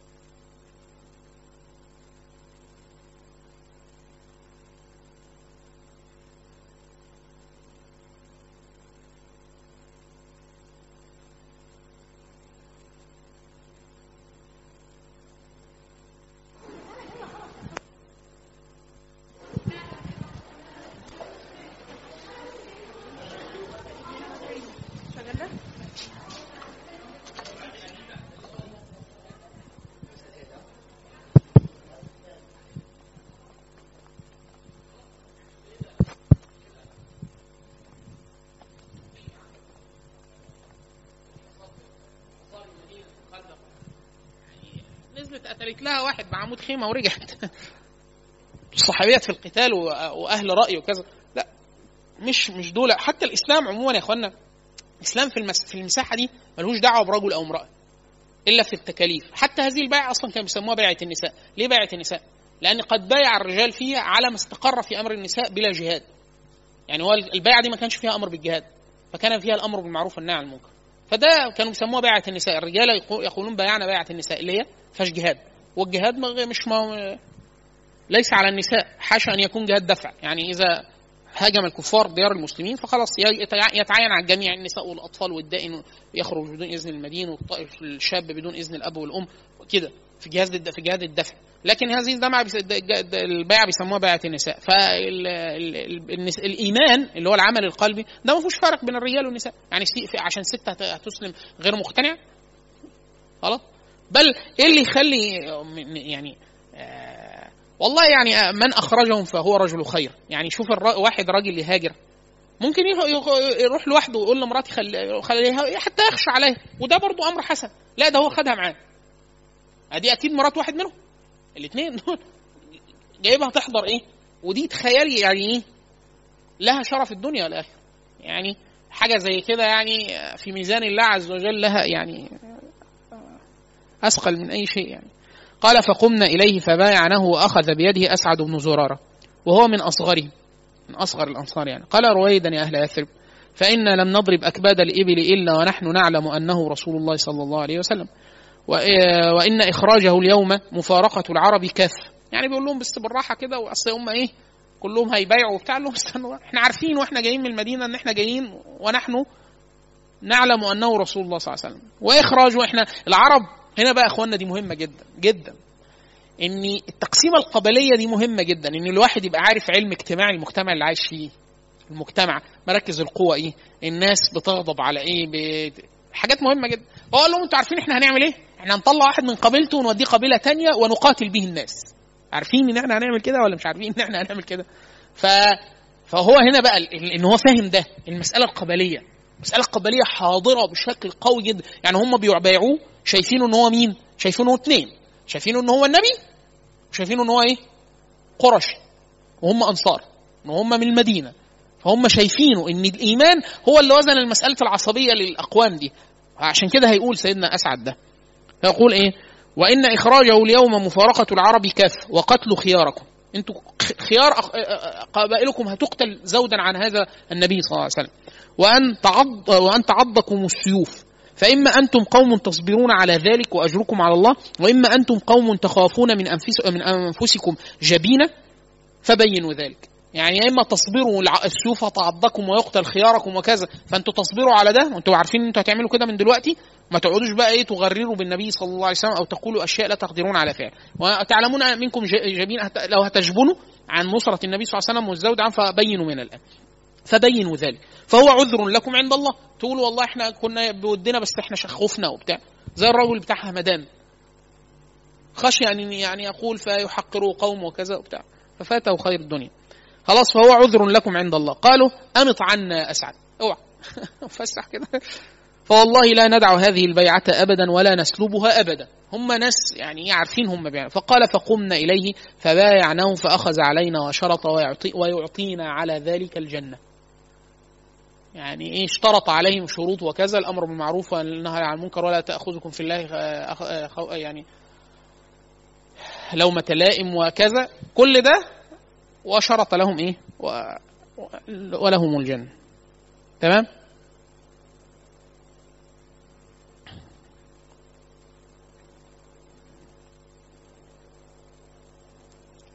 في رواية لطيفة جدا. طبعا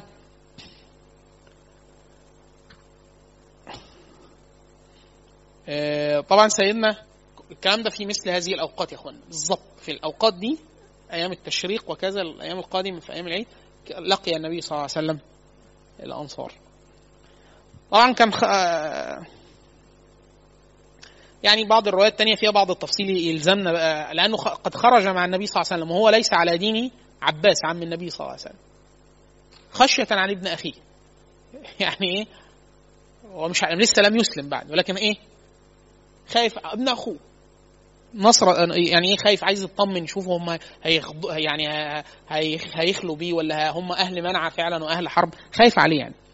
الرواية يقول الراوي يعني ثم بعد ما قدم باشياء قال فنمنا تلك الليلة مع قومنا في رحالنا. هم كانوا جايين مع بعض أقوامهم من الكفار. حتى إذا مضى ثلث الليل خرجنا من رحالنا لميعاد رسول الله صلى الله عليه وسلم.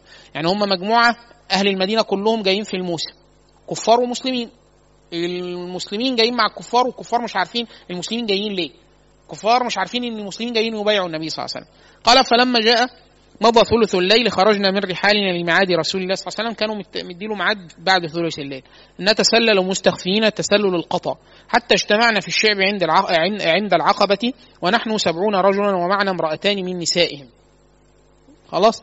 نسيبة بنت كعب أم عمارة إحدى نساء بني مازن بن النجار وأسماء بنت عمرو بن عدي بن ثابت إحدى نساء بني سلمة وهي أم أم منيع. ده دي أسماء النسيبة وأسماء.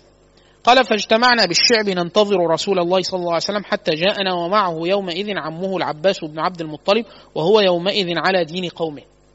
يعني لم يسلم. إلا أنه أحب أن يحضر أمر ابن أخيه ويتوثق له. هو خايف عليه. لسه لم يؤمن بس خايف عليه. فلما جلسنا كان العباس بن عبد المطلب أول متكلم. فقال معشر الخزرج وكانت العرب من دون الأنصار تسمي الأوس والخزرج خزرج الاثنين. فقال يا معشر الخزرج قال وكانت العرب ممن يسمون هذا الحي من الأنصار الخزرج أوسها وخزرجها هم الاثنين بيقولوا عليهم خزرج. إن محمدا منا حيث قد حلمتم. يعني هو قال لهم محمد ده من أعلى بيت في بنو هاشم يعني. إن محمدا منا قد حيث قد علمتم. وقد منعناه من قومنا ممن هو على مثل رأينا فيه. وهو في عز من قومه ومنعة في بلده. قال فقلنا قد سمعنا ما قلت. فتكلم يا رسول الله فخذ لنفسك ولربك ما أحببت. يعني إحنا خلاص سمعنا. خلي النبي بقى يتكلم. قال فتكلم رسول الله صلى الله عليه وسلم فتلا ودعا إلى الله عز وجل ورغب في الإسلام. قال أبايعكم على أن تمنعوني مما تمنعون منه نساءكم وأبناءكم. ودي برضه حاجة كويسة جدا في حق العرب. يعني النبي صلى الله عليه وسلم لما حب يقول لهم أنتوا هتمنعوني من إيه؟ فقال لهم عارفين ان أنتوا الحاجات اللي يعني لا تقبلوها في أبنائكم ونسائكم آه أنا عايزكم تمنعوني مما تمنعون منه أهليكم. وكأن العربي يعني كان يعني رجل يحمي يحمي الحقيقة. كلمة الحقيقة عند العرب يعني ما ما يحق عليه حمايتهم من النساء والاعراض وكذا. أبايعكم على على أن تمنعوني مما تمنعون منه نساءكم وأبناءكم. قال فأخذ البراء بن معرور بيدي ثم قال نعم والذي بعثك بالحق لنمنعنك مما نمنع منه أزورنا يكني على النساء يعني. فبايعنا فبايعنا يا رسول الله صلى الله عليه وسلم فنحن أهل الحروب وأهل الحلقة ورثناها كابرا عن كابر. يعني ما تقلقش إحنا معانا سلاح وهنمنعك يعني. قال فاعترض القول والبراء يكلم رسول الله صلى الله عليه وسلم أبو الهيثم بن التيهان حليف بني عبد الأشهر. سيدنا الهيثم كان يعني من خلصاء النبي صلى الله عليه وسلم في المدينة بعد ذلك. فقال يا رسول الله إن بين وبين الرجال حبالا وإنا قاطعوها. يعني هو عايز يقول للنبي صلى الله عليه وسلم إن إحنا إحنا في أحلاف بيننا وبين اليهود وبين بعض القبائل فهناخدك فأول ما هتاخدك معانا هنقطع كل هذه الأحلاف القديمة. والناس برضو بتستوثق يعني. مش بيبيعوا سمك في مية. آه معاك يعني.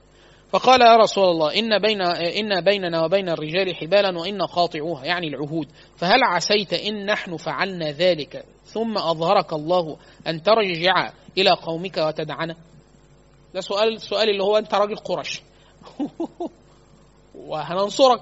فلو إحنا عملنا مشاكل مع الناس الأحلاف بتوعتنا فأنت تتركنا وتعود إلى قومك. سؤال واضح سؤال قبلي أن ترجع إلى قومك وتدعنا. قال فتبسم رسول الله صلى الله عليه وسلم. ثم قال بل الدم الدم والهدم الهدم. أنا منكم وأنتم مني. يعني لا بل دماؤكم دمائي وبيوتكم بيوتي.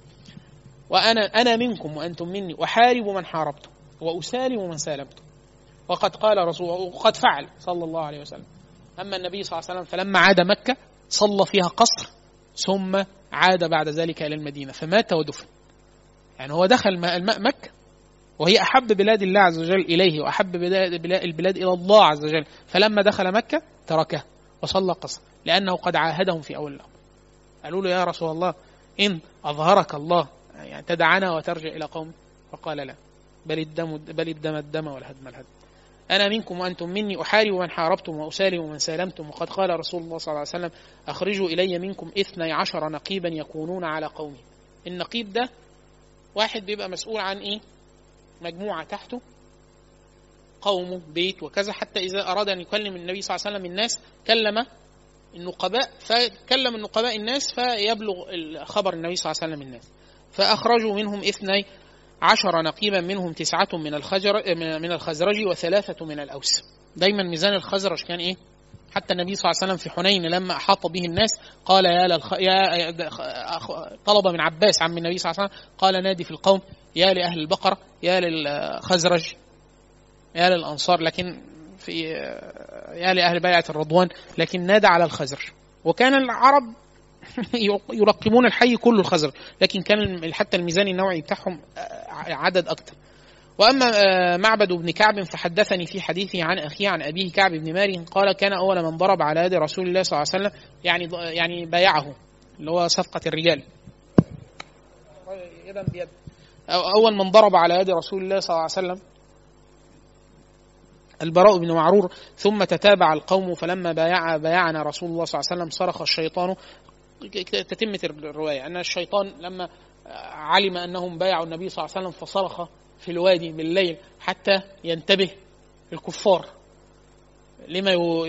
لما يحاك لهم فانصرف المسلمون ودخلوا في الرحال ثم تسامع بعض كفار مكة أن النبي صلى الله عليه وسلم قد أتاه بعض الأنصار ينصرونه ويأخذونه ويمنعونه فخشوا على خشوا على أنفسهم فأتوا فكلموا رؤوس الناس من الأنصار قالوا لهم يعني أنتوا أكثر حي نكره أن تكون بيننا وبينكم حروب وكذا. وقد سمعنا أنكم أتيتم لتأخذوا يعني محمد فتقاتلون به. قالوا لا والله ما حدث. دول إيه؟ رؤوس القوم منين؟ من الكفار. هم مش عارفين اللي حصل فيقول والمسلمون يقولون ونحن نسمع وإيه؟ نسكت. يعني هم قاعدين والتانيين فالتانيين صدقوهم. يعني خلاص. بعدين الرواية طويلة. يعني في قد بعد ما غادر وفد الأنصار أدرك القرشيون أنه قد قد حدث. يعني لق أن بعض الأنصار لقوا النبي صلى الله عليه وسلم وعاهدوه وكذا فتتبعوهم فأخذوا منهم أسيرين. ولكن بعد ذلك يعني إيه؟ منعهم الجوار. كانوا كانوا يجيرون تجارة قريش إذا دخلت المدينة فمنعتهم يعني إيه؟ أحلافهم القديمة وأخلاق العرب. تمام؟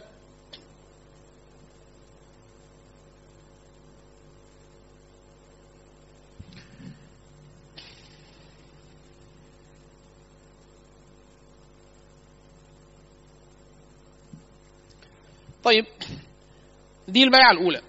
إحنا تقريبا كده في عام 11 11 في الهجرة.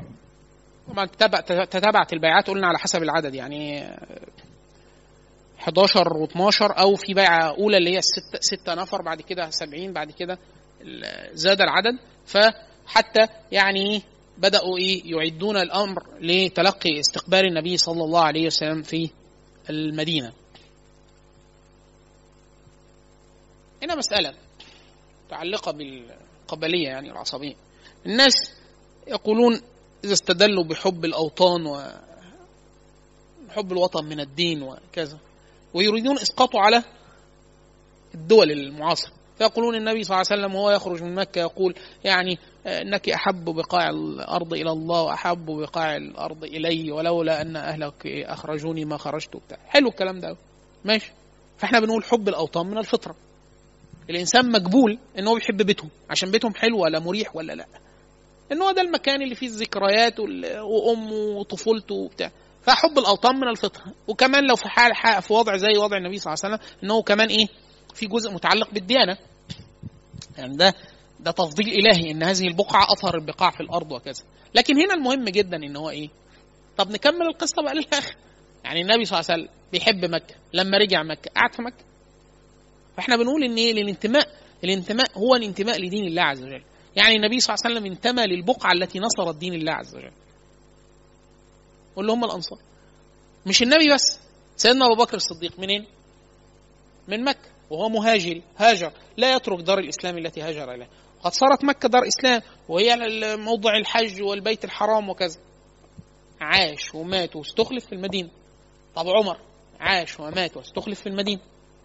وهو مكي. طب عثمان وهو مكي. عاش ومات ودفن في المدينة.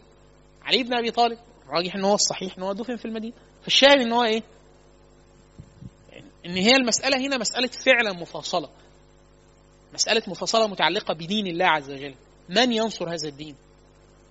من يعني عشان كده دايما القرآن مليء بهذا الأمر. يعني إيه؟ ودي من الآيات الشديدة جدا في آيات الهجرة. اللي هو أن الإنسان مش مش مأمور أن هو الله عز وجل لما يتعبد إنسان في مكان معين بل تعبده في المكان والزمان. روح في المكان اللي يصلح فيه معاك دينك. لو قادر تقيم دينك مش قادر تقيم دينك في موضع سيبه حتى لو مكة. قد فعل النبي صلى الله عليه وسلم ذلك. يعني مكة. قالوا مش قادر تقوم فيها دينك. ارحل. هاجر. بل إن الله عز وجل اعتبر من لم يهاجر ادخله في نطاق الكفر أو التعذيب. إن الذين توفاهم الملائكة وظالمي انفسهم قالوا فيما كنتم؟ قالوا كنا مستضعفين في الأرض. قالوا ألم تكن أرض الله أرض الله أرض الله واسعة فتهاجروا فيها؟ هي دي الفكرة. إن هو إيه؟ أن المكان الذي لا يستطيع الإنسان أن يظهر شعائر دينه ولا يأمن فيه ولا كذا يهاجر. واحد يقول لك طب وام الدنيا طب والذكريات وطب مش عارف إيه. والله هذا المكان إن لم تستطع أن تقيم دينك وتحمي دين أولادك وكذا غادر خلاص؟ طيب أروح مكان فين تاني؟ مكان تقدر تقيم فيه دينك. يعني مش تروح هنا وبعد كده تروح في مكان تفقد دينك ودين عيالك ودين يعني إيه؟ يعني بعد يقول لك إيه؟ آه أنا أروح الدنمارك. والله طب في مسلمين هناك؟ لأ. والناس هناك لابسة هدوم؟ لأ. الناس هناك مؤمنة بحاجة؟ لأ. طب وأنت هتطلع إيه؟ كافر يا فندم. يعني يعني اللي هي فكرة إحنا بنقول النبي صلى الله عليه وسلم هاجر من مكة راح المدينة. يعني دار تنصر الإسلام وفيها جهاد ومنع وبتاع. مش إحنا ما بنقولكش روح فيينا ولا روح اتفسح. لا إحنا بنقول لك إيه؟ إحنا بنقول لك إيه؟ المكان اللي يضيق فيك يضيق عليك ديانة ما تقدرش تقيم في دينك وكذا هو ده المكان اللي إيه؟ هو ده المكان اللي إيه؟ يعني تسيبه أو كده. طيب في رواية تلزمنا. النبي صلى الله عليه وسلم طبعا هو مش قادر يروح المدينة. في الفترة اللي قبل ما يروح المدينة دي بعت مين؟ سيدنا مصعب. سيدنا مصعب رسول رسول الله صلى الله عليه وسلم. كل من رأى مصعب وكأنه رأى النبي صلى الله عليه وسلم. وسيدنا مصعب كان من أغنى الناس. كان بيت من بيت ثري جدا في مكة وكذا وعذب وضرب وكذا وهاجر. حتى أن عمر سيدنا عبد الرحمن بن عوف رضي الله عنه. سيدنا عبد الرحمن بن عوف ثاني من أسلم من الرجال. خلاص؟ ورجل من اثنين فقط هو أبو بكر الصديق أما النبي صلى الله عليه وسلم. صلوا بالنبي. يعني النبي كان مأموما وهو إمام. عبد الرحمن بن عوف صلى بالنبي صلى الله عليه وسلم وهم في في تبوك وأبو بكر صلى بالنبي صلى الله عليه وسلم قبل موته. سيدنا عبد الرحمن بن عوف مرة هو جالس فأتي له بطعام وشراب ماء بارد وأكل وكذا. فنظر الأكل ثم بكى واستعبر. وقال يعني قد أدركت مصعب وهو خير مني. وهم بيكفنوه قتل في أحد مصعب بن عمير. يقول يعني إذا غطوا قدميه بانت رأسه. إذا غطوا رأسه بانت قدميه. آه وقد يعني نخشى أن يكون يعني قدمت إلينا آه الحسنات في الدنيا يعني وليس لنا نصيب في الآخرة. فهو يعني لما أراد أن يضرب مثال بحد أفنى نفسه في الإسلام ضرب المثال بمصعب بن عمير. ده راجل مرفه ترك مكة وهاجر. وأسلم على يديه معظم الناس. يعني مصعب نقدر نقول كل من دخل الإسلام في من الأنصار وهم سادة الناس هم الذين حملوا النبي صلى الله عليه وسلم ونصروا دينه هو مصعب بن عمير.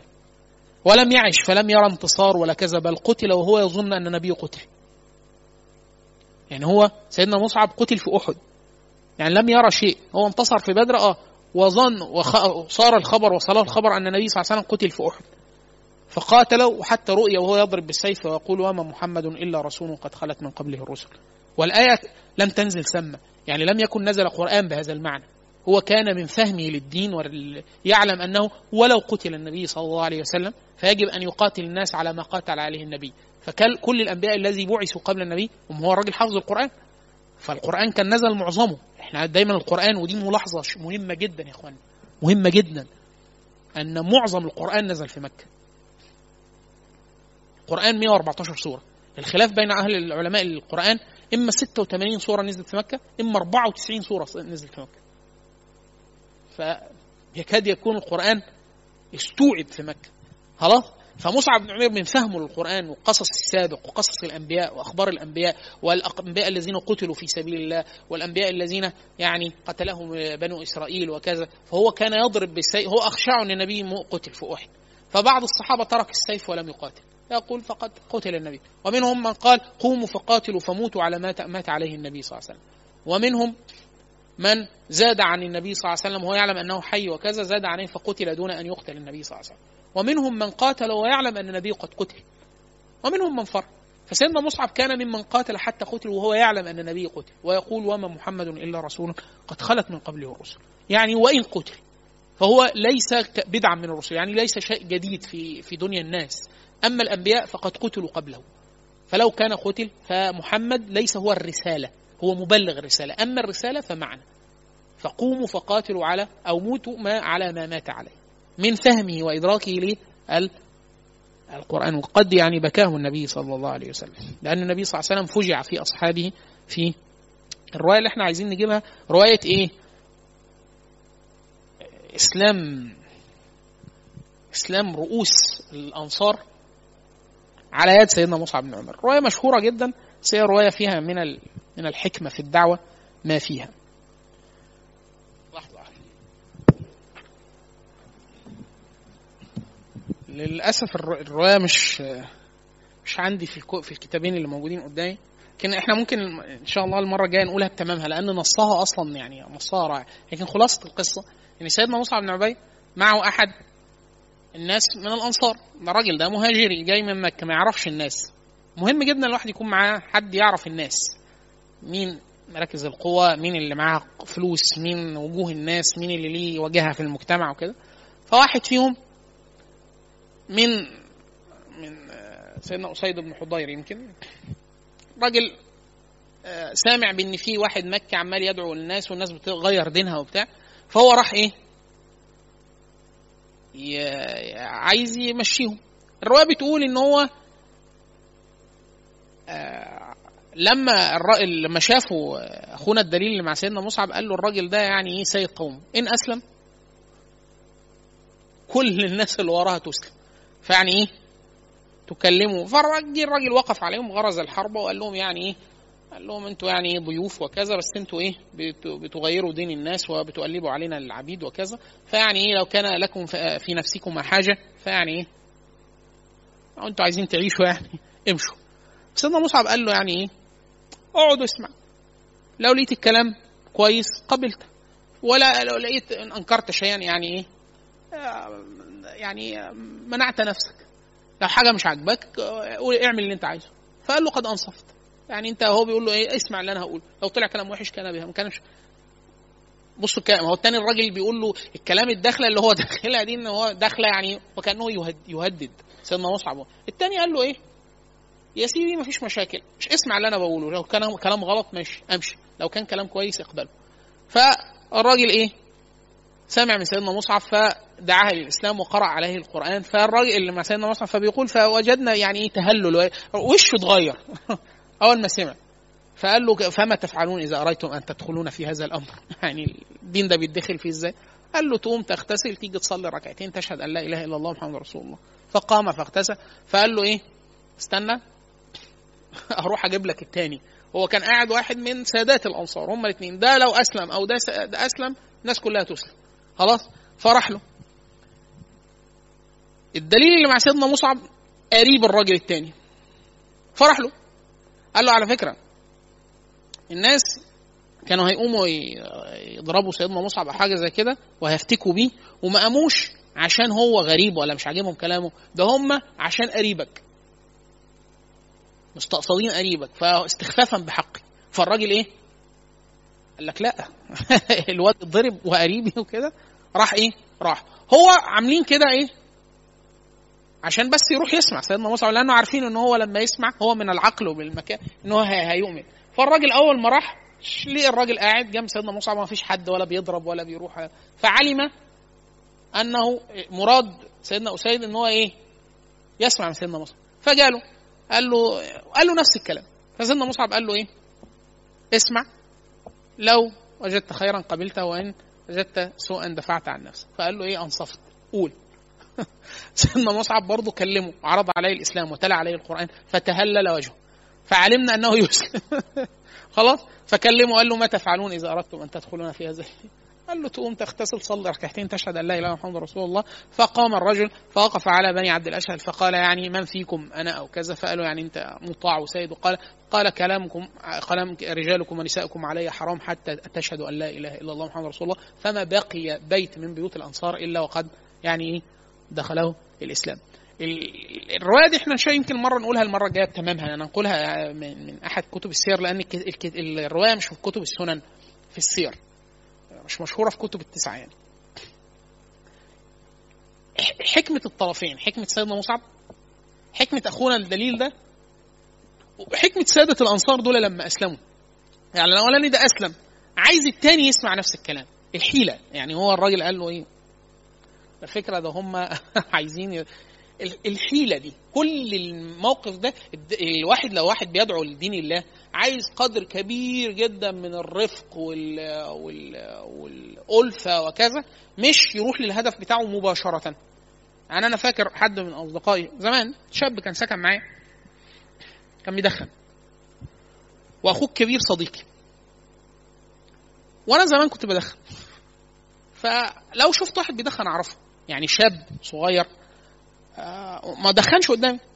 لو سلم عليا قعد معايا دقيقتين أعرفه. لون شفايفه من طبعا كل يعني أي حد بيبقى بيمارس حاجة فترة بيبقى عارف علاماتها عينيه شفايفه صوابعه لون صوابعه بتبقى معروفة يعني.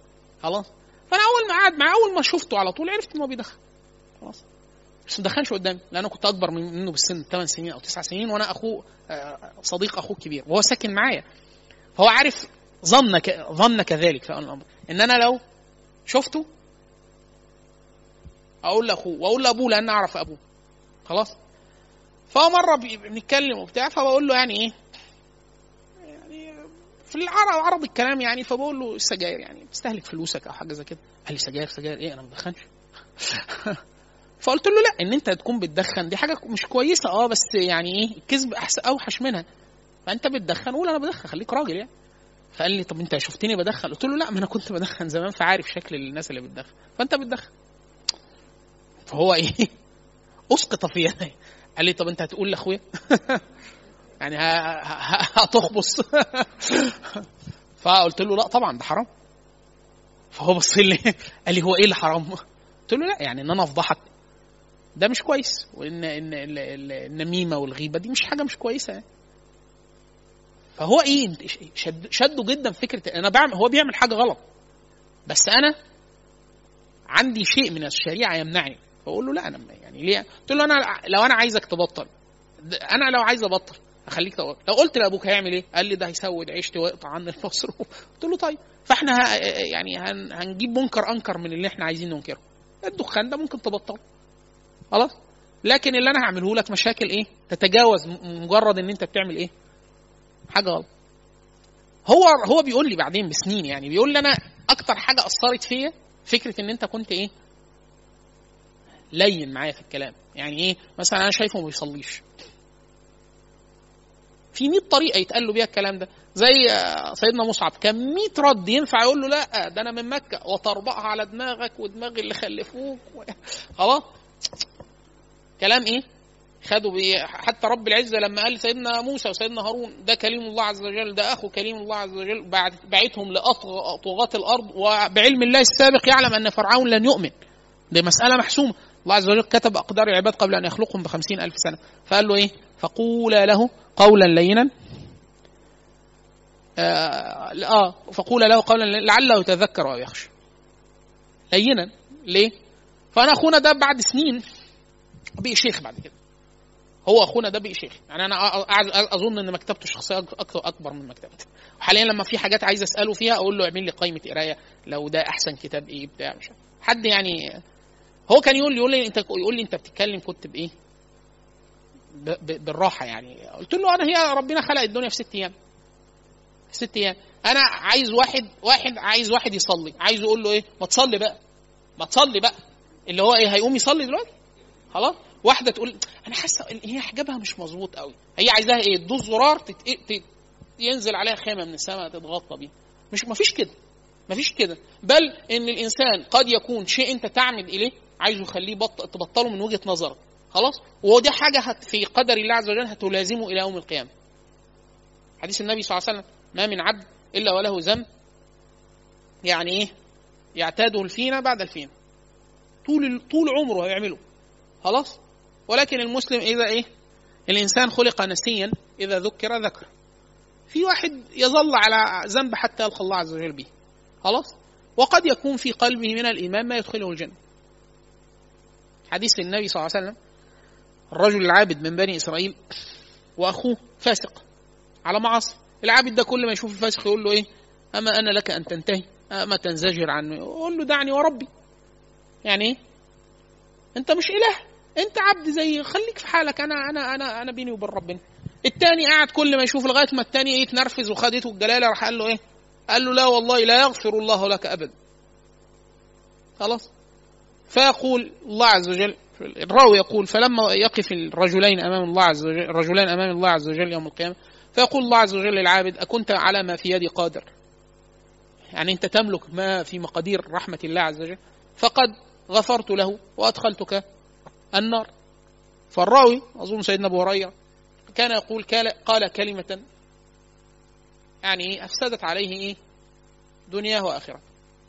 كلمة واحدة ده بيسموه التألي على الله. اللي هو واحد يقول لك إيه ده يامن ده يتوب ده الله أعلم.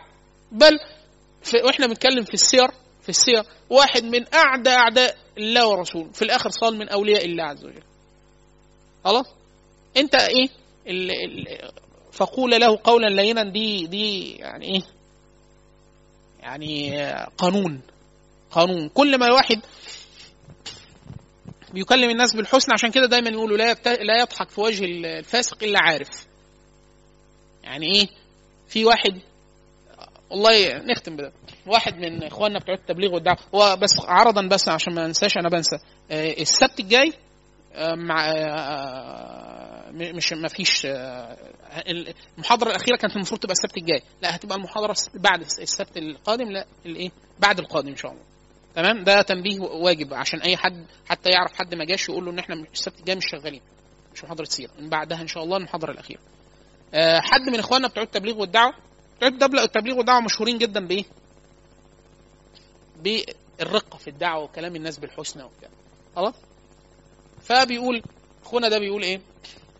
بيقول كان بينزل في منطقة شعبية قوي. يدعو الناس. في واحد هم قالوا له قالوا له يعني خلي بالك الراجل ده بلاش تيجي جنبه خالص. قال لهم ليه؟ قالوا ده راجل بلطجي. ويعني يعني ممكن يضربك يعورك يقتلك. فيعني إيه؟ كأنك ما شفتوش كلم الناس كلها إلا ده. التاني ده يسكت؟ لا. رايح جاي هو مثلا اسمه محمد مثلا اللي هو البلطجي ده. السلام عليكم إزيك يا عم محمد؟ إيه أخبارك؟ يسلم عليه إيه أخبارك؟ ما شاء الله. اسمك على اسم النبي صلى الله عليه وسلم وبتاع. رايح جاي. المهم الراجل قال له أنت تعرفني؟ قال له آه اعرف انت مش أخويا؟ قال له لا أخوك إزاي؟ قال له مش هنا أخونا في الإسلام. وبتاع. اللي هو إيه؟ عم كل ما كلام يقوله له فالراجل هو أخونا اللي بي الشيخ ده يقول الراجل حسيت يعني إيه في الأول هو واقف يعني بعد كده قال له إيه؟ انت بتعملوا إيه هنا وبتاع. قال له ما تيجي تخش معانا نصلي انت مش مسلم. ف قال له لا أنا ما ينفعش ادخل المسجد. قال له ليه؟ اصل أنا عملت حاجات وحشة كتير و... طبعا الراجل ما سابش حاجة ما... ما... فعلا ما سابش حاجة ما عملهاش. لا من المعاصي وما سابش حاجة من الطاعات الواجبة إلا ما هو ممتنع عنها. لا صلاة ولا صوم ولا بتاع. قال له لا إزاي؟ أنت بتتكلم إزاي؟ ده رحمة ربنا. ده أنت لو عامل قد اللي أنت عامله ده مليون مرة. ربنا يغفر لك دلوقتي ويحولهم لك كلهم حسنات. وقعد يكلمه من كلام من هذا إيه؟ من هذا القبيل. يرغبه في رحمة الله عز وجل ويصغر عنده إيه؟ يقول له أنت إيه اللي أنت ممكن تعمله في رحمة الله يبقى كبير؟ ولا حاجة. ده ربنا ربنا يغفر لك دلوقتي. وكل حسنات تتقلب حسنات سيئاتك تبقى تحس قاعد يكلمه وهو واقف لغاية الراجل قال له بس أنا قال له أنت تدخل قال له أنا ما أعرفش أتوضى. قال له لا أنا اعلمك بس. وراح إيه؟ واخده اقلع الجزمة خش علمه الوضوء اتوضى أخونا ده بيقول أنا كنت جاي من سفر. مش نايم ليه يوم يومين. أنا ولسه الصلاة قدامها نص ساعة ولا حاجة. قال له بص أنت هنق- تقف. تقول الله أكبر. تعمل كذا. قال له أنا مش حافظ حاجة. مش حافظ حاجة. أنا مش حافظ فاتحه ولا حاجة. قال له تقول بسم سبحان الله الله أكبر الحمد لله. وتقعد تدعي. وبعد كده تقعد شوية تدعي وده صعد حتى صعد في الفقه يعني اللي هو ال- ال- الأخر اللي هو ما يقدرش يحفظ حتى الفاتحة بقدر الفاتحة تسبيح تهليل وتكبير. وسبحان الله الحمد لله لا إله إلا الله كده ويركع بقدر ال... قال له تقعد تسبح وتدعي وبتاع واقعد بقى كلم ربنا استغفر بقى واعتذر له على اللي انت عملته. بس قال هو يصلي له ركعتين أنا أنام شوية يكون إيه؟ الصلاة جت. بس. قال أنا نمت شوية أقوم ألاقيه ساجد وبيبكي. خلاص سيبه كمل نوم ساجد ويبكي ساجد لغاية ما قمت خلاص الصلاة أذن اذن قال قمت حركه ميت. فكرة إن الراجل ده دوره إيه؟ اتدل على الله عز وجل. بس اتدل على الله عز وجل. إن هو عايز يقول له إيه؟ أن الله عز وجل يغفر لمن شاء ما شاء. مالكش دعوة أنت. عشان كده سيدنا عبد عمرو بن العاص لما جه يبايع النبي صلى الله عليه وسلم ف فالنبي صلى الله عليه وسلم مد يده إلى عمرو بن العاص يبايعه فلما مد سيدنا عمرو بن العاص فراح قبض إيده النبي صلى الله عليه وسلم قال له مالك؟ قال يا رسول الله يعني أنا فعلت كذا وكذا فالله عز وجل يغفر لي غدراتي وفجراتي سيدنا عمرو بن العاص ده قاعد يحارب النبي صلى الله عليه وسلم قد كده وكان عايز يسلم المسلمين اللي في الهجرة للنجاشي يرجعهم تاني. يعني الراجل فالنبي صلى الله عليه وسلم ابتسم لسيدنا عمرو قال له ابسط يدك يا عمرو إن الإسلام يجب ما قبله. يعني إيه؟ وانت أنت راح فين؟ أنت هتقابل انت انت انت, داخل على الملك. يعني أنت إيه اللي إيه اللي إيه اللي, إيه اللي هكبر على الله عز وجل لا يغفره أو لا؟ فدايما إيه؟ دايما يقولوا ال- ال- ال- العالم يرغب الناس في رحمة الله عز وجل.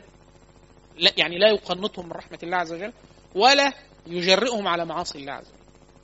يعني ما يقعدش يقول له إيه؟ يقول له انت لو عملت اي حاجة فيخليه في قابل الزمان يجترئ على إيه؟ على المعاصي. ويقول ربنا يغفر. فهو لا يقنطه واحد يقول له لا تخيل واحد يقعد يقول له ده ربنا ده هيعذب. عارف بقى العذاب اللي النبي شافه في- الإسراء والمعراج هيشعلقوهم من عينيه.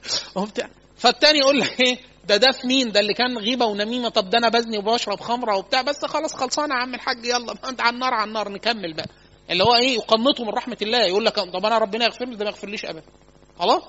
ففي واحد إيه يقعد ورا واحد يقول له عارف ال ال عارف اللي ما بتتحجبش؟ آه هتولعه في الاخره عارف اللي مش فطبعا الراجل إيه؟ مش لن يلقي للي أنت بتقوله بالا يعني. ففي واحد يقنط الناس فلا يقنط رحمة الناس من رحمة الله عز وجل ده واحد. ولا يجرئهم على معاصي الله عز وجل. يعني ما عادش يقول له إيه؟ ربنا رحيم ور... أكنه ما فيش نار. أكن فعلا ما فيش نار. طب الله عشان كده ال- السلف كانوا دايما إيه؟ يعني سيدنا الحسن البصري لما قالوا له جاله واحد قال له قال له يا امام نستغفر من الذنوب ونعود ونستغفر ونعود ونستغفر حتى متى فقال له إياكم أن يجترئ عليكم الشيطان. فيعني ان تلقوا الله تلقوا الله عز وجل باستغفار وكذا فهو ده ده مراد الله عز وجل. إن أنت إيه؟ حديث النبي صلى الله عليه وسلم ان إن- إن ال- الحديث القدسي الإنسان إذا أذنب ذنب فيقول إيه؟ آه يعني إيه؟ لا أنا أخطأت في ذنب الله في حق الله عز وجل في جنب الله عز وجل فيستغفر ثم يعود فما يستغفر فيقول إيه؟ علم فيقول الله عز وجل علم عبدي أن له رب يأخذ بالذنب ويجزي به فليفعل عبدي ما يشاء. ليه يفعل عبده ما شاء لأنه إذا وقع في الذنب رفع الملك ال- الحساب القلم ست ساعات فإذا استغفر غفر الله عز وجل ولم يكتب الذنب وهكذا. حتى فيلقى الله عز وجل يعني طوبى لمن كان فيه يعني إيه؟ في ميزانه استغفار كثير. خلاص؟ هي دي الفكرة فكرة إن هو إيه؟ آه، فسيدنا الحسن البصري كان إذا الناس جولوا في مقام ال... هيقنطوا قرب يقنط هيقول لك يا أنا على طول بعمل الذنب واستغفر أرجع له تاني يا سيدي اقعد طول عمرك اعمل كده. بس داوم على المستغ... على الاستغفار. خلاص؟ فإن الله عز وجل غفور رحيم. فإذا استغفر العبد غفر له. خلاص؟ يا ابن آدم إنك ما دعوتني ورجوتني غفرت لك على ما كان منك ولا ابالي خلاص؟ وفي نفس الوقت هو هو نفسه سيدنا الحسن البصري كان يبكي بكاء يعني بكاء. بكاء الفجار يعني واحد يشوفه وهو بيبكي ما يقولش إن ده الحسن البصري عالم وإمام وح- محدث ويعني كل ما يقال فيه. فكانوا الناس الناس أحيانا تجترئ على الله عز وجل من من من. من فكرة إيه؟ يقول لك إن ربنا هيغفر لي أي حاجة شيء فقد تدخل على الله عز وجل من باب يمقتك فهو الحسن البصري كان يغلق هذا الباب على الناس اللي هو إيه؟ الرجاء الكاذب. يعني إيه؟ حسن الظن بالله تستغفر وتتوب و... هو ده ده حسن الظن بالله. إن أنت إيه؟ تبقى بالاثنين فسيدنا الحسن البصري كان إذا رأوه, رأوه على هذه الحال فيقولون علام البكاء. فيقول يعني لعل الله عز وجل نظر إلي وأنا على بعض الذنوب فقال لي اذهب فلا غفرت لك. فيقول فلعلنا نعمل في غير معمل. يعني هو عشان الناس ما تجترئش على الله عز وجل يقول لك أصل أنا عملت ذنوب كتير وبعد كده عملت حسنات كتير. دي قبال دي نشطب قبال دي فاخد الباقي وأخش الجنة. خلاص؟ فهو كان سيدنا حسن البصري يقطع إيه؟ لأنه هو كده الإنسان عايز يخلي نفسه رب هو اللي بيحاسب نفسه. يقول لك أنا عملت ذنب وعملت إيه؟ عمرة. بعد كده نكمل. كده صفرنا العداد نبدأ من الأول. خلاص؟ هو إيه؟ هو اللي هيحاسب نفسه. هو كان يقطع وده من فعل أهل العلم إن هم يقطعوا هذا الطريق على الناس. فيقول لعل الله عز وجل اطلع علي في بعض ذنبي فقال اذهب فلا غفرت لك. خلاص؟ عشان الإنسان إيه؟ كان كان سفيان الثوري كان علماء المسلمين كان الرجل يقول يلقى أحد من أصحابه من التابعين فيقول اجلس اجلس نبكي اقعد نبكي شوية. يقول فعلام نبكي عشان إيه؟ والاثنين اللي بيتكلموا دول حد شاف سيارهم؟ من علماء الحديث ويعني ناس من من أئمة الأمة. إمام سيدنا سفيان الثوري ده كان إمام في الحديث إمام في الورع إمام في الفقه وله مذهب اندثر قديما خلاص؟ فيقول اجلس نبكي فيقول على يقول ابكي في علم السابق في علم الله السابق فيك. يعني أنت إيه؟ لا تعلم ماذا الله عز وجل كتبك في الجنة فإن آه ابكي على علم الله السابق فيك. إن هو أنت مش عارف. مش عارف. فقد. فقد تعمل في غير معنى. يعني أنت قد يكون كتب فيك في القدر ما لا يسرك فابكي على ده. لعل الله عز وجل إيه؟ يرحمك طيب كل عام وأنتم بخير سبحانك اللهم وبحمدك أشهد أن لا إله إلا أنت أستغفرك وأتوب إليك. نلتقي إن شاء الله في السبت بعد القادم. إن شاء الله آه نذكر بعض الروايات الخاتمة في ال في في ال في, ال في الهجرة حتى نقف يعني على دخول النبي صلى الله عليه وسلم لما أشرقت به المدينة. ونذكر آه جزء في